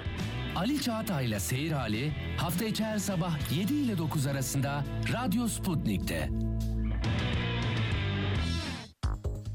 Biraz önce Daron Acemoğlu'nun, Profesör Daron Acemoğlu'nun kapsayıcı kurumlar yani Ulusların Düşüşü kitabında sözünü ettiği bir ülke nasıl yoksullaşır ya da bir ülke nasıl zengin olabilir sorularına yanıt verdiği büyük eserinde kapsayıcı kurumlardan bahsederken orada bir eksik bıraktım onu da tamamlayayım. Yani o benim ilave edebileceğim bir eksik. Dar- Daran Acemoğlu bunların adını kapsayıcı kurumlar diye koyuyor. Kapsayıcı kurumlar nedir? İşte EPDK, BDDK, TMSF, e, Şeker Kurumu, Alkol Düzenleme Kurumu, aklınıza gelebilecek kurumlar. BTK, Bilgi Teknolojileri Kurumu gibi kurumlar. Bunlar bağımsız kurumlar ve bağımsız kurumların başına atanacak kişiler, bağımsız kurulların üyelerinin kendi iç organları tarafından ve bağımsız olarak seçilmesini öngörüyor. Ancak bu koşulla olabilir. Türkiye'de son 10 yıldır özellikle bağımsız kurulların tamamı bağımsızlıklarını ve özelliklerini kaybetmiş durumda. Bunu geçtik.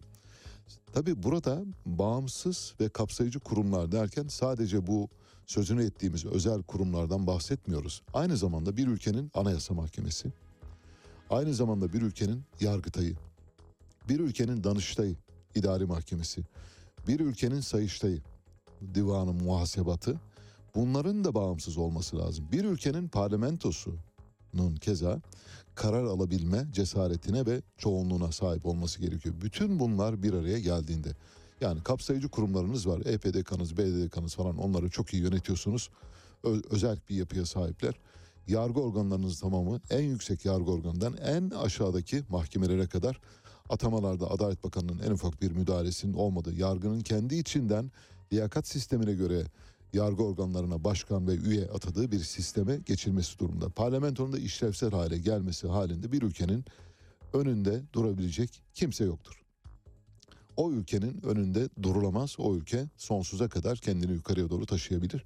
İşte Güney Kore örneği tamamen bununla ilgili önemli bir tespitin modelidir. Singapur'da aynı şekilde, Tayvan aynı şekilde keza bu ülkeler bu şekilde yönetildikleri için oluyor. Dolayısıyla eksik bıraktığım o kısmı da tamamlamış olayım. Yani kapsayıcı kurumlar deyince sadece bağımsız özel kurumlardan değil aynı zamanda yargı organlarından, parlamentodan ve seçimle gelen bütün organlardan bahsediyoruz. Hepsinde özellik harfi harfine işletilebilirse ülkenin kalkınmasının önünde hiçbir engel kalmaz. Yoksa mesela şimdi Atatürk Havalimanı'nı yıkıyorsunuz, pistini darmadağın ediyorsunuz, yerine bir tane havalimanı yapıyorsunuz. Burası kullanılamazdı zaten diyorsunuz. Öyle bir şey yok. Atatürk Havalimanı pekala genişletilerek kullanılabilirdi ve oraya yeni bir havalimanı yapmak zorunda kalmazdınız. Milyonlarca ağacı kesmek zorunda kalmazdınız ama siz bunu bize böyle anlatıyorsunuz. İşte o kapsayıcı kurumlar olmuş olsaydı mesela Danıştay Danıştay gibi Anayasa Mahkemesi Anayasa, Mahkemesi gibi rekabet kurumu rekabet kurumu gibi çalışmış olsaydı ne o havalimanı yıkılırdı ne oraya yeni bir havalimanı yapılırdı ne de o anlamsız gereksiz yatırımlar olurdu.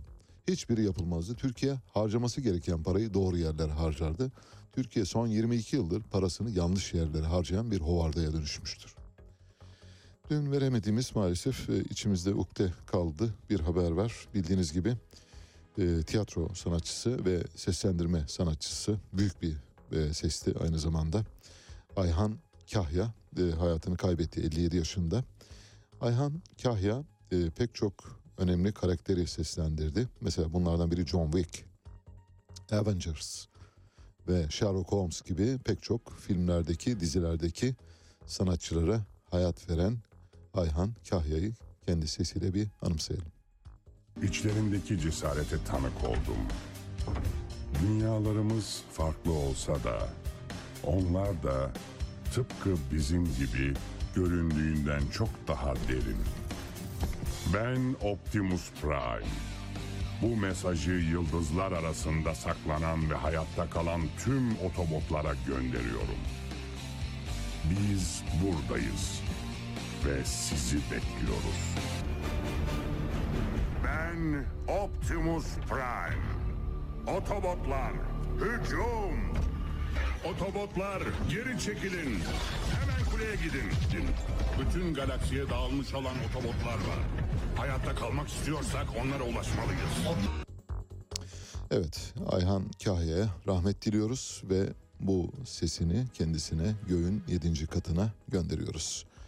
1 Ocak 2023'ten itibaren hayatımıza yeni bir vergi geliyor. Bu vergi birkaç kez ertelendi. En sonunda 1 Ocak 2023'te hayata geçirmesine karar verildi. Adı konaklama vergisi. Otel, motel, tatil köyü, pansiyon, apart otel, termal tesis, misafirhane, yayla evi gibi her nerede konaklıyorsanız bunların vergisini ödeyeceksiniz. Sadece bunlarla sınırlı değil aynı zamanda bir özgür e, tatil e, anlayışı olan karavan ve motokaravanlarla seyahat edenleri de kapsıyor. Devlet görünür görünmez her şeyden vergi almak üzere bir koşullanmışlık içinde. Uçan kuştan vergi alan devlete dönüştü. Mesela çadır, çadır araba, çekme karavan, motokaravan, bungalov gibi ya da tiny house gibi konaklama biçimlerine eğer e, seviyorsanız, konaklamak istiyorsanız bundan sonra beleş yok. Parayı ödeyeceksiniz ondan sonra kalacaksınız. Öylesi o bitti o dönem geride kaldı. Lütfen rica ediyorum ısrar etmeyin. Hayır yapamayız yani geri dönemeyiz. Peki tekrar ertelenebilir mi bilmiyoruz. 1 Ocak 2023'e daha çok zaman var. Bir de seçim var tabii. Seçim dolayısıyla orada bir kamuoyu baskısı mesela taksi şoförlerinin baskısı yüzünden Uber Türkiye'ye gelemiyor. Çünkü taksi şoförlerini darıtmak istemiyoruz. E burada da elbette bu işi yapan büyük bir kesim var. Turizm büyük bir sektör. Bu sektörün sektörden ekmek yiyenlerin hükümete olan bağları da var. Belki tekrar ertelenebilir. En son 2019'da yani 2019'da çıktı. 2021'e ertelendi. 2021'den 2023'e ertelendi. Bakalım hayırlısıyla 2023'te göreceğiz. Bu arada yasada bir e, husus var. Bu husus bence önemli. Mesela bir e, bungalova gittiniz. Bir e, butik otele gittiniz. Geceleme hizmeti aldınız. Ve gecenin bir yarısında işte yatak rahatsız etti sizi. Odada pire çıktı ya da bir şey oldu. Tesisten ayrıldınız. Gittiniz resepsiyona dediniz ki ben ayrılıyorum abi. Tamam abi sizin paranızı verelim diyorlar. Fakat devlet diyor ki ben o yolcunun o misafirin parasını alırım kardeşim sen. İsterse ayrılsın beni ilgilendirmez. Burada bir hülle var. Bu tabii önemli bir şey. Açığı yakalıyorlar. Yasalar böyle hazırlanır. Bence güzel hazırlanmış. Şimdi oteller giriş yapıyor mesela. Gece saat 1'de çıkış yapıyor. Ne oldu? E, müşteri geldi beğenmedi gitti. Allah Allah. Ha, çok tuhaf. Yani müşterilerin yüzde kırkı gecenin bir yarısında beğenmiyor çıkıyor. Ha öyle mi? İşte bu vergiden kaçırmak için düşünülmüş bir yöntemdi. Bunun önünü kesiyor. Yasa hazırlayıcıyı bu gediği kapattığı için kutluyoruz. İyi bir yasa tekniği geliştirmişler. Meksika'dan İstanbul'a gelen bir gemide 1 ton 580 kilo yani 1,5 e, ton marihuana ele geçirildi. Güney Amerika'da yürütülen e, şüpheliler üzerine yürütülen bir operasyon Türk polisinin de parmağı var. Daha doğrusu Türk polisinin de katkısıyla Güney Amerika'daki uyuşturucu kartellerinin Türkiye ayağının e, faaliyetleri takip edildi. Türkiye'ye yüklü miktarda Meksika'dan uyuşturucu sevkiyatı gerçekleştirileceği öğrenildi. Ekipler Büyükçekmece Cumhuriyet Başsavcılığından alınan izinlerle şüphelileri fiziki ve teknik takibe aldılar. Yani telefonlarını dinlediler, görüntülerini çektiler. İki ay devam eden çalışmanın ardından şüphelilerin bir gemiyle Türkiye'ye kumaş getireceğini belirlediler. Nasıl? Kumaş. Bu kumaş örneğini daha önce nereden hatırlıyoruz? Türk-Amerikan İş Adamları Derneği Başkanı Ali Osman Akat. Ali Osman Akat'ın da 111 kilogram tutarında kokaini vardı. Yakalandı, içeri girdi. Sonra ilk duruşmada hakime dedi ki o bana yanlışlıkla geldi. Hakim peki dedi nasıl olur dedi Ali Bey yani siz cık, yanlış. Zaten dedi ben demir istemiştim, demir cevheri istemiştim. Öyle bir şey geldi. Bu benim istediğim bir şey değildi dedi. Hakim de böyle yani neredeyse karşılıklı sen bana bunu sor ben de bana sana bunu söyleyeyim. Karşılıklı böyle birbirimizi güzelleyelim ben ondan sonra elimi kolumu sallayarak çıkayım diye. Öylesine çıktı Ali Osman Akat. Şimdi burada da kumaş meselesi devreye girdi. Vallahi bu kumaştan dolayı yırtabilirler. Arkadaşlar bu işten yırtabilirler. Şu anda Beylikdüzü Ambarlı Limanı'nda yakalanan kişiler gözaltına alınmış durumda. Beş şüpheli kumaş getirdik. Kumaş sipariş etmiştik. Esrar, eroin, kokain çıktı diyecekler ve çıkacaklar. Parayı bastıran çıkıyor bu arada onu söyleyelim. Şimdi tarihin en büyük su tartışmasını başlatmış bulunuyoruz. Kim başlattı? Biz. Yani Radyo Sputnik. İddia ediyorum tarihin en büyük su tartışması. Dün bildiğiniz gibi bir e, yayın yaptık. E, Profesör Doktor Zeki Karagülle ile muslukların ağızlarına takılan arıtma cihazlarının sağlıklı olup olmadığını konuştuk ve Profesör Zeki Karagülle özetle sağlıklı olmadığını söyledi. Bu suların saf suya yakın bir saflıkta e, su ürettiğini if- ifade etti. Saf suya yakın saflıktaki suyun da içinde mineraller ve biyolojik yararlı ajanların kalmadığını, bunun da suyun yararsız bir içeceğe dönüşmesine sebep olduğunu belirtti ve tavsiye ed- edilmediğini ifade etti. Buna ilişkin bir tweet attım. Son tweetim merak edenler bakabilirler. Şöyle dedim. Musluklara takılan arıtma cihazları hangi hastalıklara yol açıyor? Profesör Doktor Zeki Karagül'le iki nokta üst üste arıtılmış su içenlerde hipertansiyon, osteoporoz, diş çürümeleri, çocuklarda gelişme geriliği ortaya çıkmaktadır. Arıtma cihazları saf su üretmektedir. Saf su bünye için yararlı değildir dedi. Kıyamet koptu. Şu anda bu tweet yarım milyondan fazla görüntülenme aldı. 514 bin idi. Biraz önce arada baktım 514 bin. Vallahi Kim Kardashian'ın tweetleri de aşağı yukarı bu kadar görüntülenme alıyor değil mi? O da yani 500 bin işte.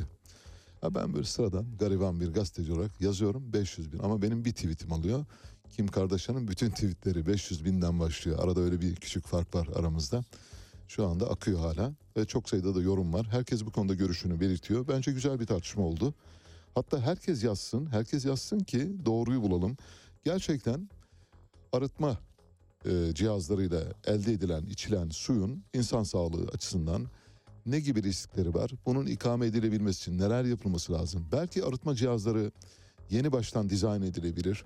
Saf su niteliğinde bir su değil de içinde mineralleri barındıran ve, yararlı biyokimyasal ve biyolojik ajanları barındıran bir şeye dönüşebilir. O şekilde kullanabiliriz. Aksi halde bu ceremeyi, bu şeyi çekmek zorunda kalabiliriz. Yıllar önce Mehmet Ali Birant dönemin başbakanı Tansu Çiller'e şöyle bir şey söylemişti, bir soru sordu. Tansu Çiller'in yanıtını da paylaşacağım sizinle.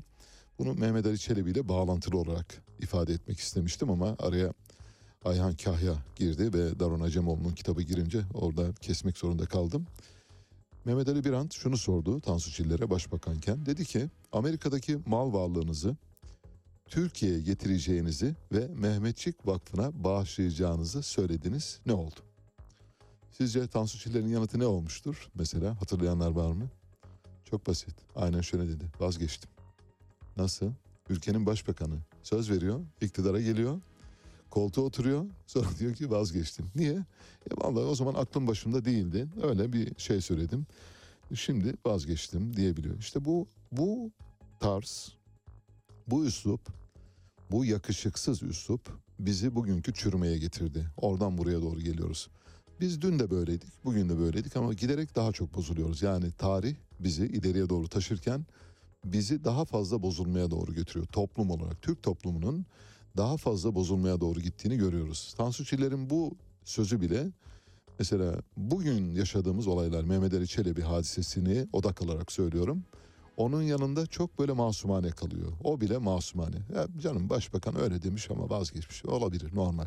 Vermek istemiyor öyle diyebilirsiniz ki diyemezsiniz. Ama bugün yaşananlara bakın. Bunların yanında çok masum. Yani Tansu Çiller'i böyle vallahi işte yani normal bir başbakanmış yani aslında. Mehmet Ali Çelebi e, yok o, o çok o e, bayağı böyle bir dozunu kaçırdı diyebileceğiniz bir şeye geliyor. Adnan Oktar'ın yardımcılarından ve yakın arkadaşlarından e, Adnan Oktar'ın arkadaşı Tülay Kumaşçı biliyorsunuz şu anda Adnan Oktar 1076 yıl hapis istemiyle cezaevinde bulunuyor. Duruşmalara çıkıyor. Duruşmalara çıktığında da şöyle dedi. Kadınlar beni seviyor. Ben de kadınları seviyorum. Ve bunu bazı kimseler kıskanıyorlar dedi. Ben bu cümlenin bir kısmına itiraz etmiştim. Kadınlar sizi seviyor olamaz. E, bütün kadınların sevmesi zaten mümkün değil. Ama siz kadınları seviyor olabilirsiniz. Bütün kadınları seviyor olabilirsiniz. Böylesine bir garip iştahınız olabilir. Bu normal dedim. Bu evet o bölümü doğru ama kadınların sizi sevmesi söz konusu değil. Yani birkaç kadın sizi sevmiş olabilir. Siz bunu büyük bir sevgi. Kendisi Mehdi. Bizim şu anda sıralamamızdaki iki numaralı Mehdi. Bir numarada Hasan Mezarcı var. O kalbimizin Mehdisi, gönlümüzün Mehdisi. Eğer Hasan Mezarcı Allah gecinden versin e, hak e, tecelli ettiğinde yani emri emri hak e, vaki olduğunda yerine geçmesini istediğimiz aday Adnan Oktar. Şöyle diyor Adnan Oktar'ın yardımcısı Tülay Kumaşçı. Ben Adnan Oktar'ın yanında muhteşem bir 30 yıl yaşadım. Bu hayattan çok memnunum. Kimseye hesap vermek zorunda değiliz. Suç yoksa ben mutluysam benim nasıl yaşadığımdan kime ne? Sizi içeriye tıkan yargı bunun için tıkmadı Tülay Hanım. Buradan söylüyorum. Size diyor ki siz zengin çocuklarını ayartıyorsunuz. Zengin kızlarını ayartıyorsunuz. Onların servetine el koyuyorsunuz. Annelerine babalarına şantaj yapıyorsunuz. Montaj, şantaj, dublaj yaparak onların mallarına el koyuyorsunuz. Siz bir şebekeye, suç örgütüne dönüşmüş durumdasınız. Yoksa sevginiz, birbirinizi sevmeniz bizi ilgilendirmez tabii. Bu mefhumu muhaliften gelmek derler eskiler. Meseleyi bilir ama bilmezden görünmektir. Ali Babacan çok yerinde bir tespitle diyor ki zorunlu ve bedelli askerliğin aynı anda uygulanmasını sona erdireceğiz. Hedefimiz profesyonel orduya geçmektir. Ben de katılıyorum yüzde yüz. Hatta zorunlu askerliğin tamamen kaldırılması gerektiğini düşünüyorum. Tamamen profesyonel bir orduya dönüştürülmesi gerektiğini düşünüyorum.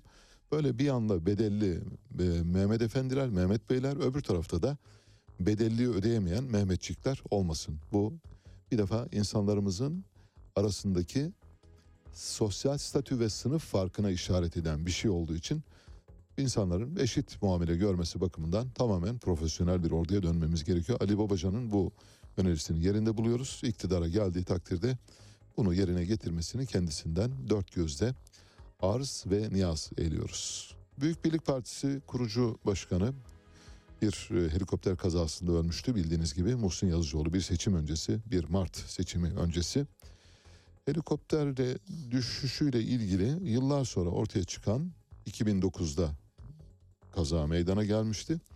Dün bir duruşma vardı. Duruşmaya esas havacılığın tanığı olarak yani bu kiralamayı yapan şirketin e, genel müdürü Mustafa Kemal Süler konuştu. Mustafa Kemal Süler dedi ki helikopterin içinden çekilmiş görüntüler var ve ben bu görüntüleri izledim.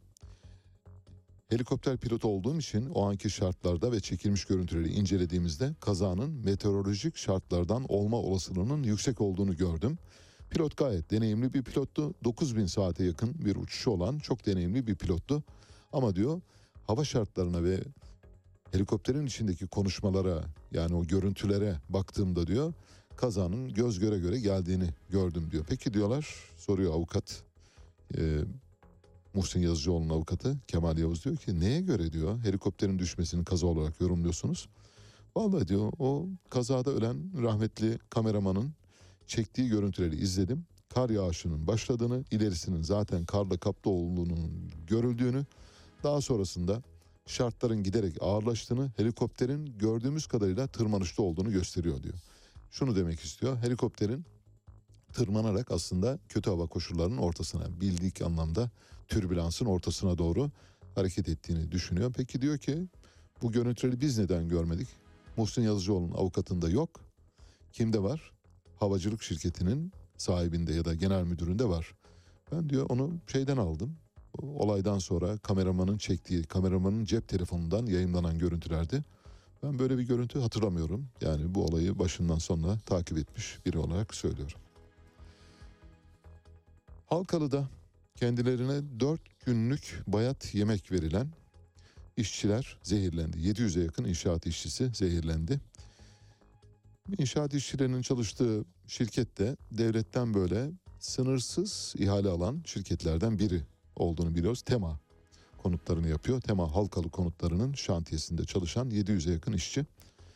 Dev Yapı İş Sendikası, diske bağlı Dev Yapı İş Sendikası Genel Sekreteri Nihat Demir zehirlenen işçilerin sayısında artık artış yaşanabileceğini söylüyor bu arada. E, Bu şantiyede yaklaşık 3000 işçi çalışıyor. Hepsi bu yemeklerden yedi. 4 gün öncesinin yemekleri işçilere verilmiş. Can kaybı yok. İşçiler çevre hastanelerinde tedavi ediliyor diyor. Milyar dolarlık projelere imza atıyorlar ama işçiye bir temiz yemek veremiyorlar diyor sendika yetkilisi. Evet gözünüz aydın. Onurcuğum sizin de gözünüz aydın. Doruk'cum sana da. Hepinize hayırlı günler diliyorum. Tüm bizi seven vatandaşlarımıza, Kuzey Kıbrıs Türk Cumhuriyeti ve dış elçiliklerimizde görev yapan tüm vatandaşlarımıza buradan sesleniyorum ve duyuruyorum ki artık Türkiye'nin bir Michelin yıldızlı lokantası var. Gözünüz aydın. Sadece bir değil, birden çok tek yıldızlı Michelin yıldızına sahip olacak lokantası da var. Michelin bildiğiniz gibi 2023 restoranları takvimini açıkladı. Ajandada Türkiye'ye yer verildi ilk kez. Bu lokantalar arasında ilk sırada yani iki yıldız alabilen Michelin yıldızlı lokanta Türk Fatih Tutağan lokantası. Fatih Tutak çok iyi bir şef ve şöhretli bir şef. Yani hakikaten hayatının tamamını bu işe adamış bir isim. İki yıldız alan dolayısıyla Michelin yıldızını omzuna takmaya e, en yakın aday olarak gözüküyor.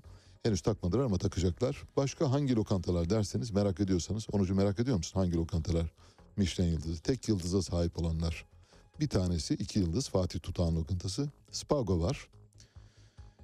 E, Saint Regi Brasserie var. Nobu lokantası var. Nerede olduğunu bilmiyorum. Mikla var. Mikla galiba Pera'daki bu The, The Marmara Pera'nın üzerindeki olsa gerek bilmiyorum. Çok emin değilim. Mürver var. Doğru bilmişim. Peki Mürver Galata Port'ta e, Hamdi Akın'ın otelinin üst katında bulunuyor. Karaköy lokantası var. Çok muhteşem bir lokantadır. Karaköy lokantası bir de çok uygun fiyatlarla yemek yenilen bir yerdir. Tabii Karaköy lokantası biliyorsunuz hani ne derler eski çamlar bardak oldu. Karaköy'deki Galata'daki bu değişimden sonra orası da süper lüks kaliteli bir yere dönüştü ve süper lüks fiyatlar var artık gidilemiyor. E, geçmişte ben sık sık giderdim çok böyle mütevazi güzel e, ev yemekleri verirdi ve çok seçkin bir müş- müşteri topluluğu vardı. Böyle sessiz sakin çok aklı başında garsonlar üniversite öğrencisi ya da üniversite mezunu garson kızlar tarafından servis yapılırdı. Her şey son derece lezzetli kıvamında ve yeter miktarda gelirdi masaya. Ve çok büyük bir para ödemeden yani bir esnaf lokantasından bir tık yukarıda para ödeyerek yiyebiliyordunuz.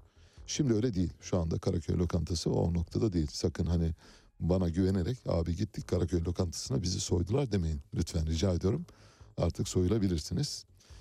Orası da e, bir yıldız aldı. Pandeli lokantası bir yıldız aldı. Feriye Ortaköy'de bildiğiniz gibi Banyan yine Ortaköy'de hemen e, House Cafe'nin yanında. Benim televizyonum orada olduğu için bu bölgeyi çok iyi biliyorum avucumun içi gibi. Bir de Matbah diye bir lokanta var e, Sultanahmet'te bir Osmanlı mutfağı. Muhteşem tek kelimeyle söyleyeyim. Yani bir e, şefi var şef e, şeflere diğer aşçılara taş çıkartır öylesine her şeyi çok yakından biliyor. 29 var e, Ulus'ta bildiğiniz gibi orada Michelin yıldız aldı. Sunset var Türkiye'nin en gözde restoranı yine Ulus'ta. Zuma aldı ayrıca. Beyti, meşhur Beyti aldı Florya'da. Bir de balıkçı kahraman aldı. Balıkçı kahraman hatırlıyorsun değil mi? Kimin lokantası? Ekrem Bey'in. Evet Ekrem İmamoğlu'nun lokantası balıkçı kahraman. Dayanamadım. Epey bir sonra yani Ekrem Bey karda kışta gitti. Ben normal yazın ortasında gittim. Çok özür dileyerek söylüyorum. Hayal kırıklığına uğradım. Tek kelime. Hayal kırıklığı. Hayal kırıklığı az kalır öyle. Eğer hani gitmeyi düşünüyorsanız yani bana da bir parça güveniyorsanız mesela Karaköy lokantasına gitmeyin diyorum. Artık yani o noktada değil soyulursunuz. Vallahi balıkçı kahramanı da bence karşısında bir yer var oraya gidin ona gitmeyin. Sıradan bir lokanta ama işte bir meşhur oldu öyle oradan yürüyor. Zaten Ekrem İmamoğlu'nu ihbar eden de o bence. Bence o çünkü yani lokantanıza gelmiş adamın e, iç mobese görüntülerini vermişsiniz sağa sola dağıtmışsınız sonra da karşınıza gazeteciler çıktığında aynen şöyle dedi. Benim adım kahraman ben yalan söylemem dedi. İşte o balıkçı kahraman. Fatih Tutak'tan biraz bahsetmek isterim. Fatih Tutak e, Michelin iki yıldızlı tek lokantanın sahibi. Kendisi 1985 doğumlu çok genç bir isim. E, Dünyaca meşhur bir e, şefimiz. Çin'in önemli kentlerinden Qingdao var. Qingdao'da, Pekin'de ve Hong Kong'da e, garsonluk yaptı ve mutfakta çalıştı. Singapur'da dünyanın en pahalı otellerinden olan e, Marina Bay Sands'in mutfağında çalıştı ayrıca. Yine orada Seiji Yamamoto tarafından yönetilen bir Japon mutfağında da staj yaptı. Kopenhag'da dünyanın en iyi restoranı seçilen Noma'nın şefi Renez Redzepi ile birlikte e, mesai yaptı. Arkasından baş aşçı oldu 2015'te, 2017'de Asya'nın en iyi 50 restoranları listesine girdi. Bunun çalıştığı yani Fatih'in Fatih Tudağ'ın çalıştığı restoran. 2018-19'da Michelin Guide Tayland listesine girdi yine aynı lokanta. Özel bir akşam yemeği hazırladı. Bununla meşhur oldu aslında. Bir mantı hazırladı. Annesinin mantısı. Annesinin yaptığı türden bir mantıyı pazarladı. From My Mommy adında yani annemin mutfağından annemden gelen gibi. Şu anda gittiği yerde yok satıyor. Yani herkes gidip orada yiyor. Ben gitmedim bilmiyorum. Ee, The House of Southern'da Türk mutfağından çıkan bir menü olarak sunulmaya başladı. Şu anda Türk mutfağından çıkan ürünlerin e, ilk sırasında yer alıyor e, From My Mom. 2019'da Türkiye'ye geldi e, ve ilk restoranını açtı. Türk Fatih Tutak restoranını. Şu anda burada iyi bir kitleye hitap ediyor. İyi bir müşteri kitlesi var. CNN Travel 2020'nin dünyanın en iyi 20 restoranı arasına koydu Fatih Tutak'ı. Zaten Fatih Tutak'a da yıldız vermezlerse kime verecekler? Herhalde vermek zorundalar. CNN Travel en iyi 20 restoran arasına sokmuş dünyada. Deniz Uğur, Reha Muhtar'ın eski eşi Deniz Uğur, Reha Muhtar'la ilgili bazı iddialarda bulundu. Bunları paylaşacağım. Anne babalar için, çocuklarla ilgili olduğu için önemli olduğunu düşünüyorum. Bir süre önce hatırlayacaksınız biz bunları yayınlamıyoruz. Böyle şeyleri yayınlayamıyoruz maalesef. Hem etik sebeplerle hem rütük kuralları çerçevesinde yayınlamıyoruz. Reha Muhtar bir e, ses kaydında kızına ağza alınmayacak ifadeler kullanarak ve feryat figan ederek avazı çıktığı kadar bağırarak bir şiddet uyguluyordu. Şiddet mutlaka sopayla yumruklu olmaz. Bu da büyük bir şiddet biçimidir. Deniz Uğur diyor ki Reha Muhtar'ın akıl sağlığı yerinde değil. Yani kocamın, eski kocamın akıl sağlığı yerinde değil. Akli melekelerini kaybetmiş durumda. Dolayısıyla çocukların velayetinin ikisinin de bana verilmesi lazım diyor. Hakim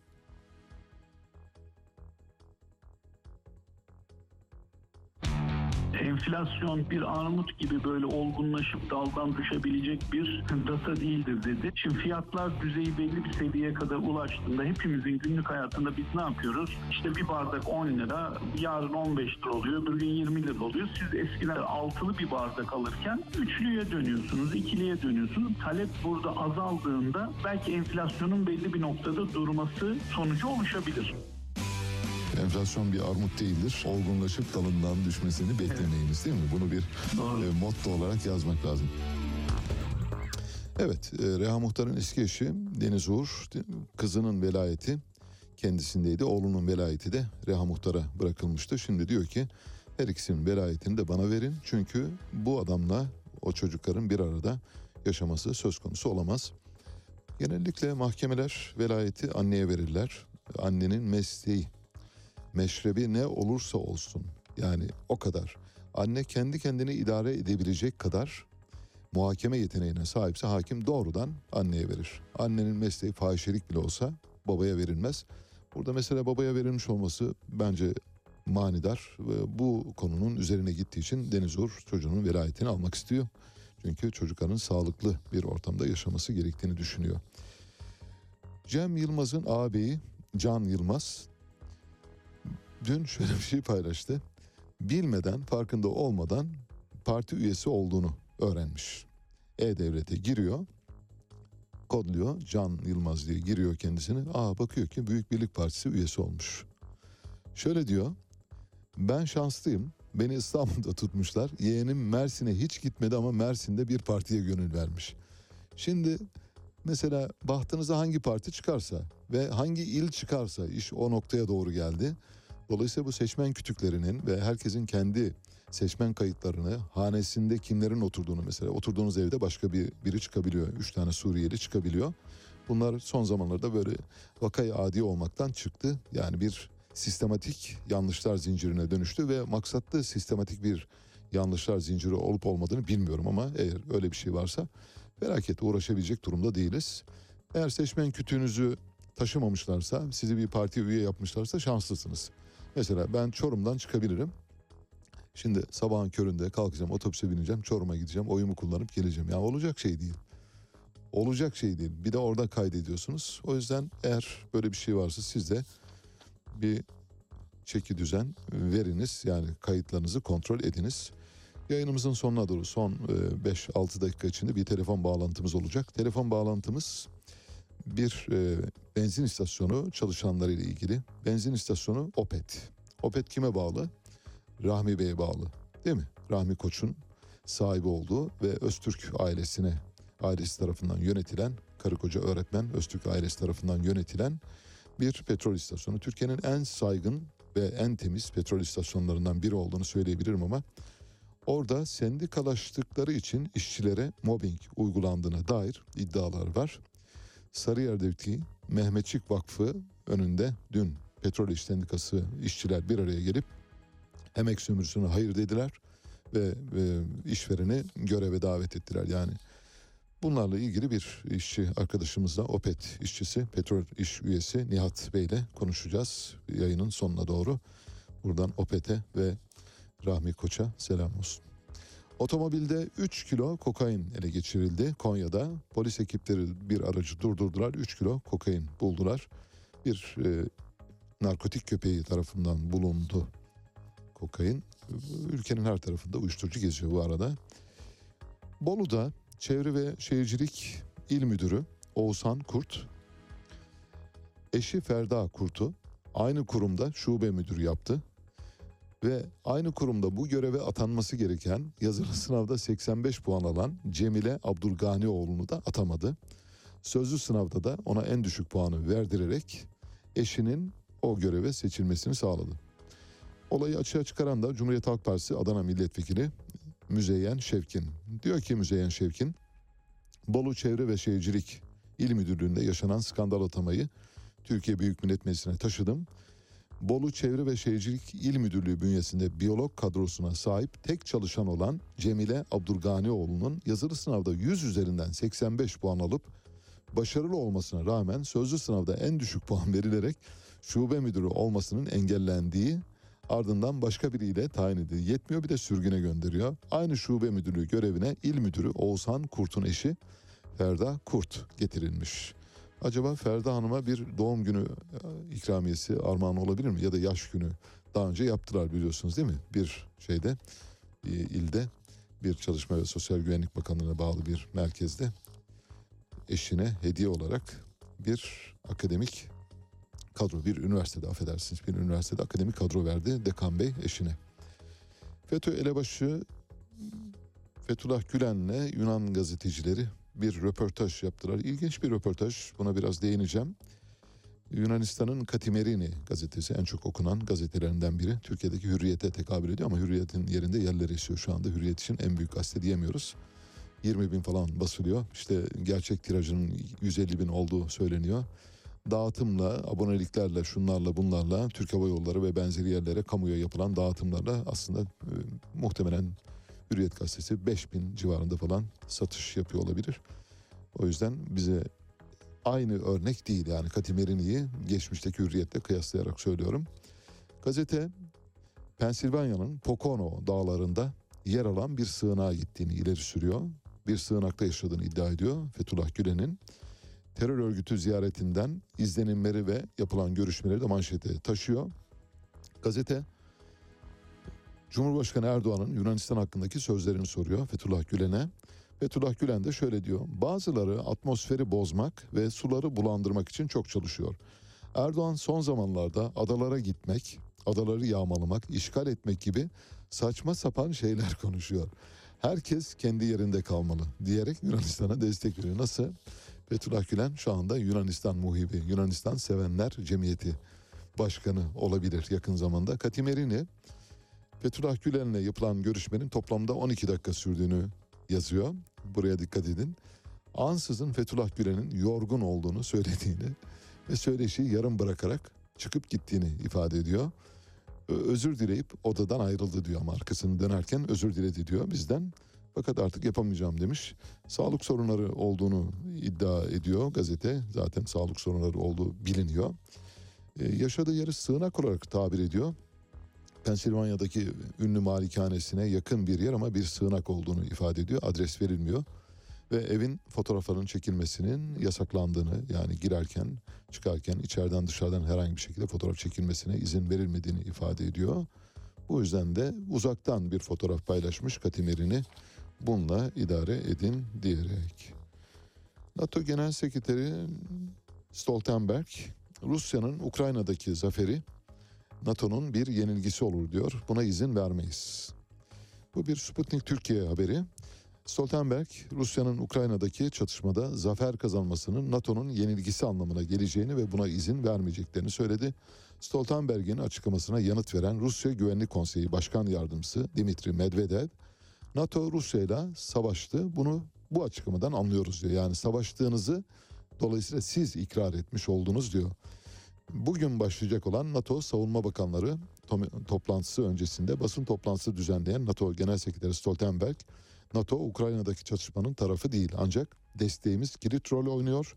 Rusya'nın Ukrayna çatışmasındaki zaferi NATO'nun yenilgisi olur. Buna izin veremeyiz diyerek kolektif bir yanıt veriyor. Yine bir Sputnik Türkiye haberi. NASA bildiğiniz gibi bir göktaşına uzay aracı göndererek göktaşına çarptırdı ve göktaşının yörüngesini değiştirdi. Bu şu anlamda yapılan önemli bir e, tespit.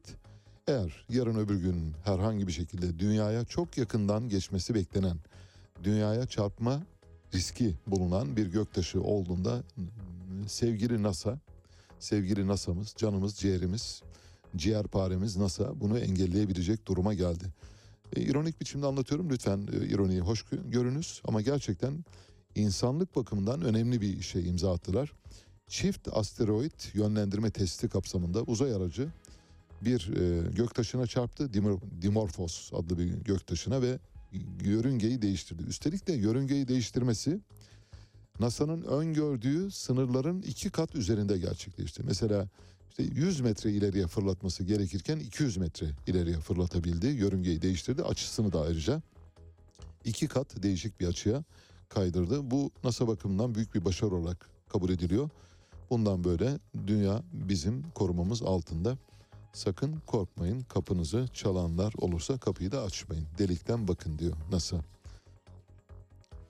Peki konumuza ulaşmakta zorluk çekiyor arkadaşlarımız. Ulaştığımız anda konuşacağız. Olay OPET'te geçiyor. OPET işçilerin sendikalaşmasına karşı mobbing faaliyeti yürütüyor. Bununla ilgili olarak OPET işçilerinden Petrol İş Sendikası üyesi Nihat Bey ile konuşmak istemiştik ama şu anda ulaşamıyoruz. Ulaşırsak konuşuruz. Zaten mesele son derece açık ama sadece işçilerin taleplerini dinlemek bakımından bu telefon görüşmesini yapmak istemiştik. Ünlü futbol dergisi 442 tüm zamanların en iyi 20 futbolcusunu belirledi. Merak ediyorsanız ben şahsen işte her yerin başında Pele'nin olabileceğini düşünüyordum. Maalesef Lionel Messi Pele'den daha önde. Şu anda dünyanın en iyi 20 gelmiş geçmiş tüm zamanlar itibariyle, insanlık tarihi itibariyle, futbol tarihi itibariyle demek lazım 1800'lü yıllardan bu yana en iyi futbolcusu Lionel Messi. Hemen arkasından Diego Maradona geliyor, efsanevi. Üçüncü sırada Cristiano Ronaldo var. Pele ancak kendine dördüncü sırada yer bulmuş durumda. Beşinci sırada Zinedine Zidane var. Altıda Johan Cruyff. Yedide George Best. Sekizinci sırada Franz Beckenbauer. Dokuzda Ferenc Puska, Pu- Puskas. Onda Ronaldo. 11'de Gerd Müller Almanların çok büyük oyuncusu böyle çarpık bacaklarıyla falan müthiş bir oyuncuydu.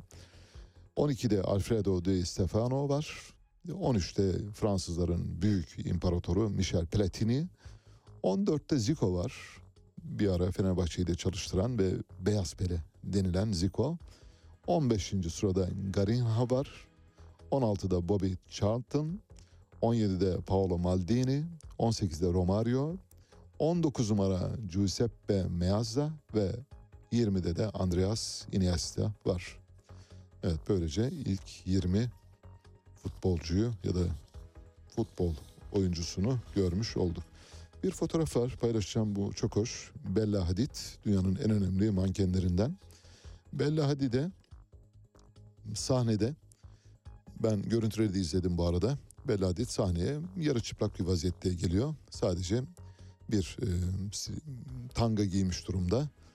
Göğüslerini elleriyle kapatarak sahnenin ortasına kadar geldi. İki tane görevli ellerindeki e, bir pulverizatör yani fıskiye benzeri bir şeyle su püskürttüler. Su püskürtmeye yarayan bir cihaz gibi bir cihaz kullandılar ve onunla Bella Hadid'in bedenini sardılar. Bu püskürtülen malzeme son 20 yılda giyim kuşam sektörüne getirmiş en büyük yenilik olarak nitelendiriliyor. Örümcek ağı diye. Ve operasyon bittiğinde Bella Hadid'in bütün vücudu bu örümcek ağıyla sarılmıştı. Normal gündelik olarak gi- giyilebilecek bir kıyafete dönüştü. Hatta daha başka bir şey yaptılar. Mesela elbisenin askısını omuzundan düşürdüler. Bir askısını aşağıya doğru düşürerek böyle de bir şov yaptılar. Bu defile büyük bir ilgi gördü. Püskürttüğünüz bu cisim daha doğrusu malzeme hemen katılaşıyor. Bir örümcek ağı biçimini alıyor. Malzemeyi Bella Hadid üzerinde kullanan e, Fabrikan isimli bir madde. Fabrikan şu anlama geliyormuş. Ben de bilmiyordum, öğrendim. Kutumaş anlamına geliyor. Kutumaş yani kutuyla kumaşın birleşiminden oluşan bir deyim. M- Kutudaki kumaş anlamına geldiğini ifade ediyor. Çok hoş bir tasarım olduğunu söyleyebilirim. Bundan böyle kadınların özel günlerde örneğin Oscar ödül törenlerinde bunlarla çıktığına tanıklık edeceğiz. Evet maalesef telefon bağlantımızı kuramadık. Dolayısıyla Opet'teki durumu şu an itibariyle ne olduğunu anlamakta e, henüz yeterli bilgimiz yok ama e, olayı biliyorsunuz. Rahmi Koç'un sahip olduğu Öztürk ailesinin yönettiği Opet'te işçilerin sendikalaşmasına karşı bir mobbing faaliyeti yürütülüyor. Bütün istasyonlarında olup olmadığını bilmiyoruz ama Sarıyer'de olduğunu biliyoruz. Bunun üzerine gitmek istedik. Sendikalaşmak çalışanların en doğal hakkıdır. Bunun önüne geçilmemesi gerekir. Evet bitirdik.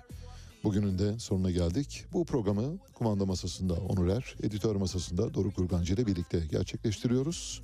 Birazdan Mehtap Yenidoğan saat başı haberlerle karşınızda olacak. Size Afro-Amerikalı, Nijerya doğumlu büyük sanatçı Ioka'dan parçalar dinletiyoruz. Son parça şu anda kulaklarınızı dolduruyor. Who would follow? Hepinize çok güzel bir gün diliyorum. That chases miracles. I saw myself like a prayer that fulfills dreams. I saw myself standing there, surviving everything. If I were to fall, who would catch me? If I were to let go, who would follow?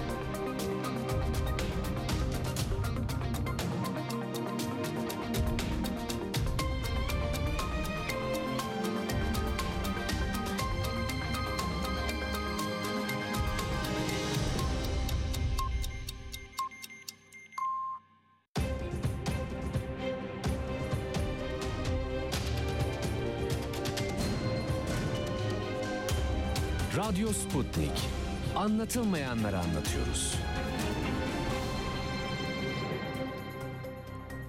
Mutlu sabahlar Ali Çağatay'dan mikrofonu aldık. İstanbul stüdyolarında 9 haber bülteni için sizlerdeyiz. Ben Mehtap Yeni Doğan. Önce özetler. Cumhurbaşkanı Recep Tayyip Erdoğan Çanakkale tünellerinin açılışında ekonomiye ilişkin mesaj verdi, muhalefeti eleştirdi. CHP Genel Başkanı Kemal Kılıçdaroğlu Kasım ayında ekonomiye ilişkin bir yapısal reçete açıklayacağını söyledi. Çiğ süte zam geldi. Ayrıntılar birazdan.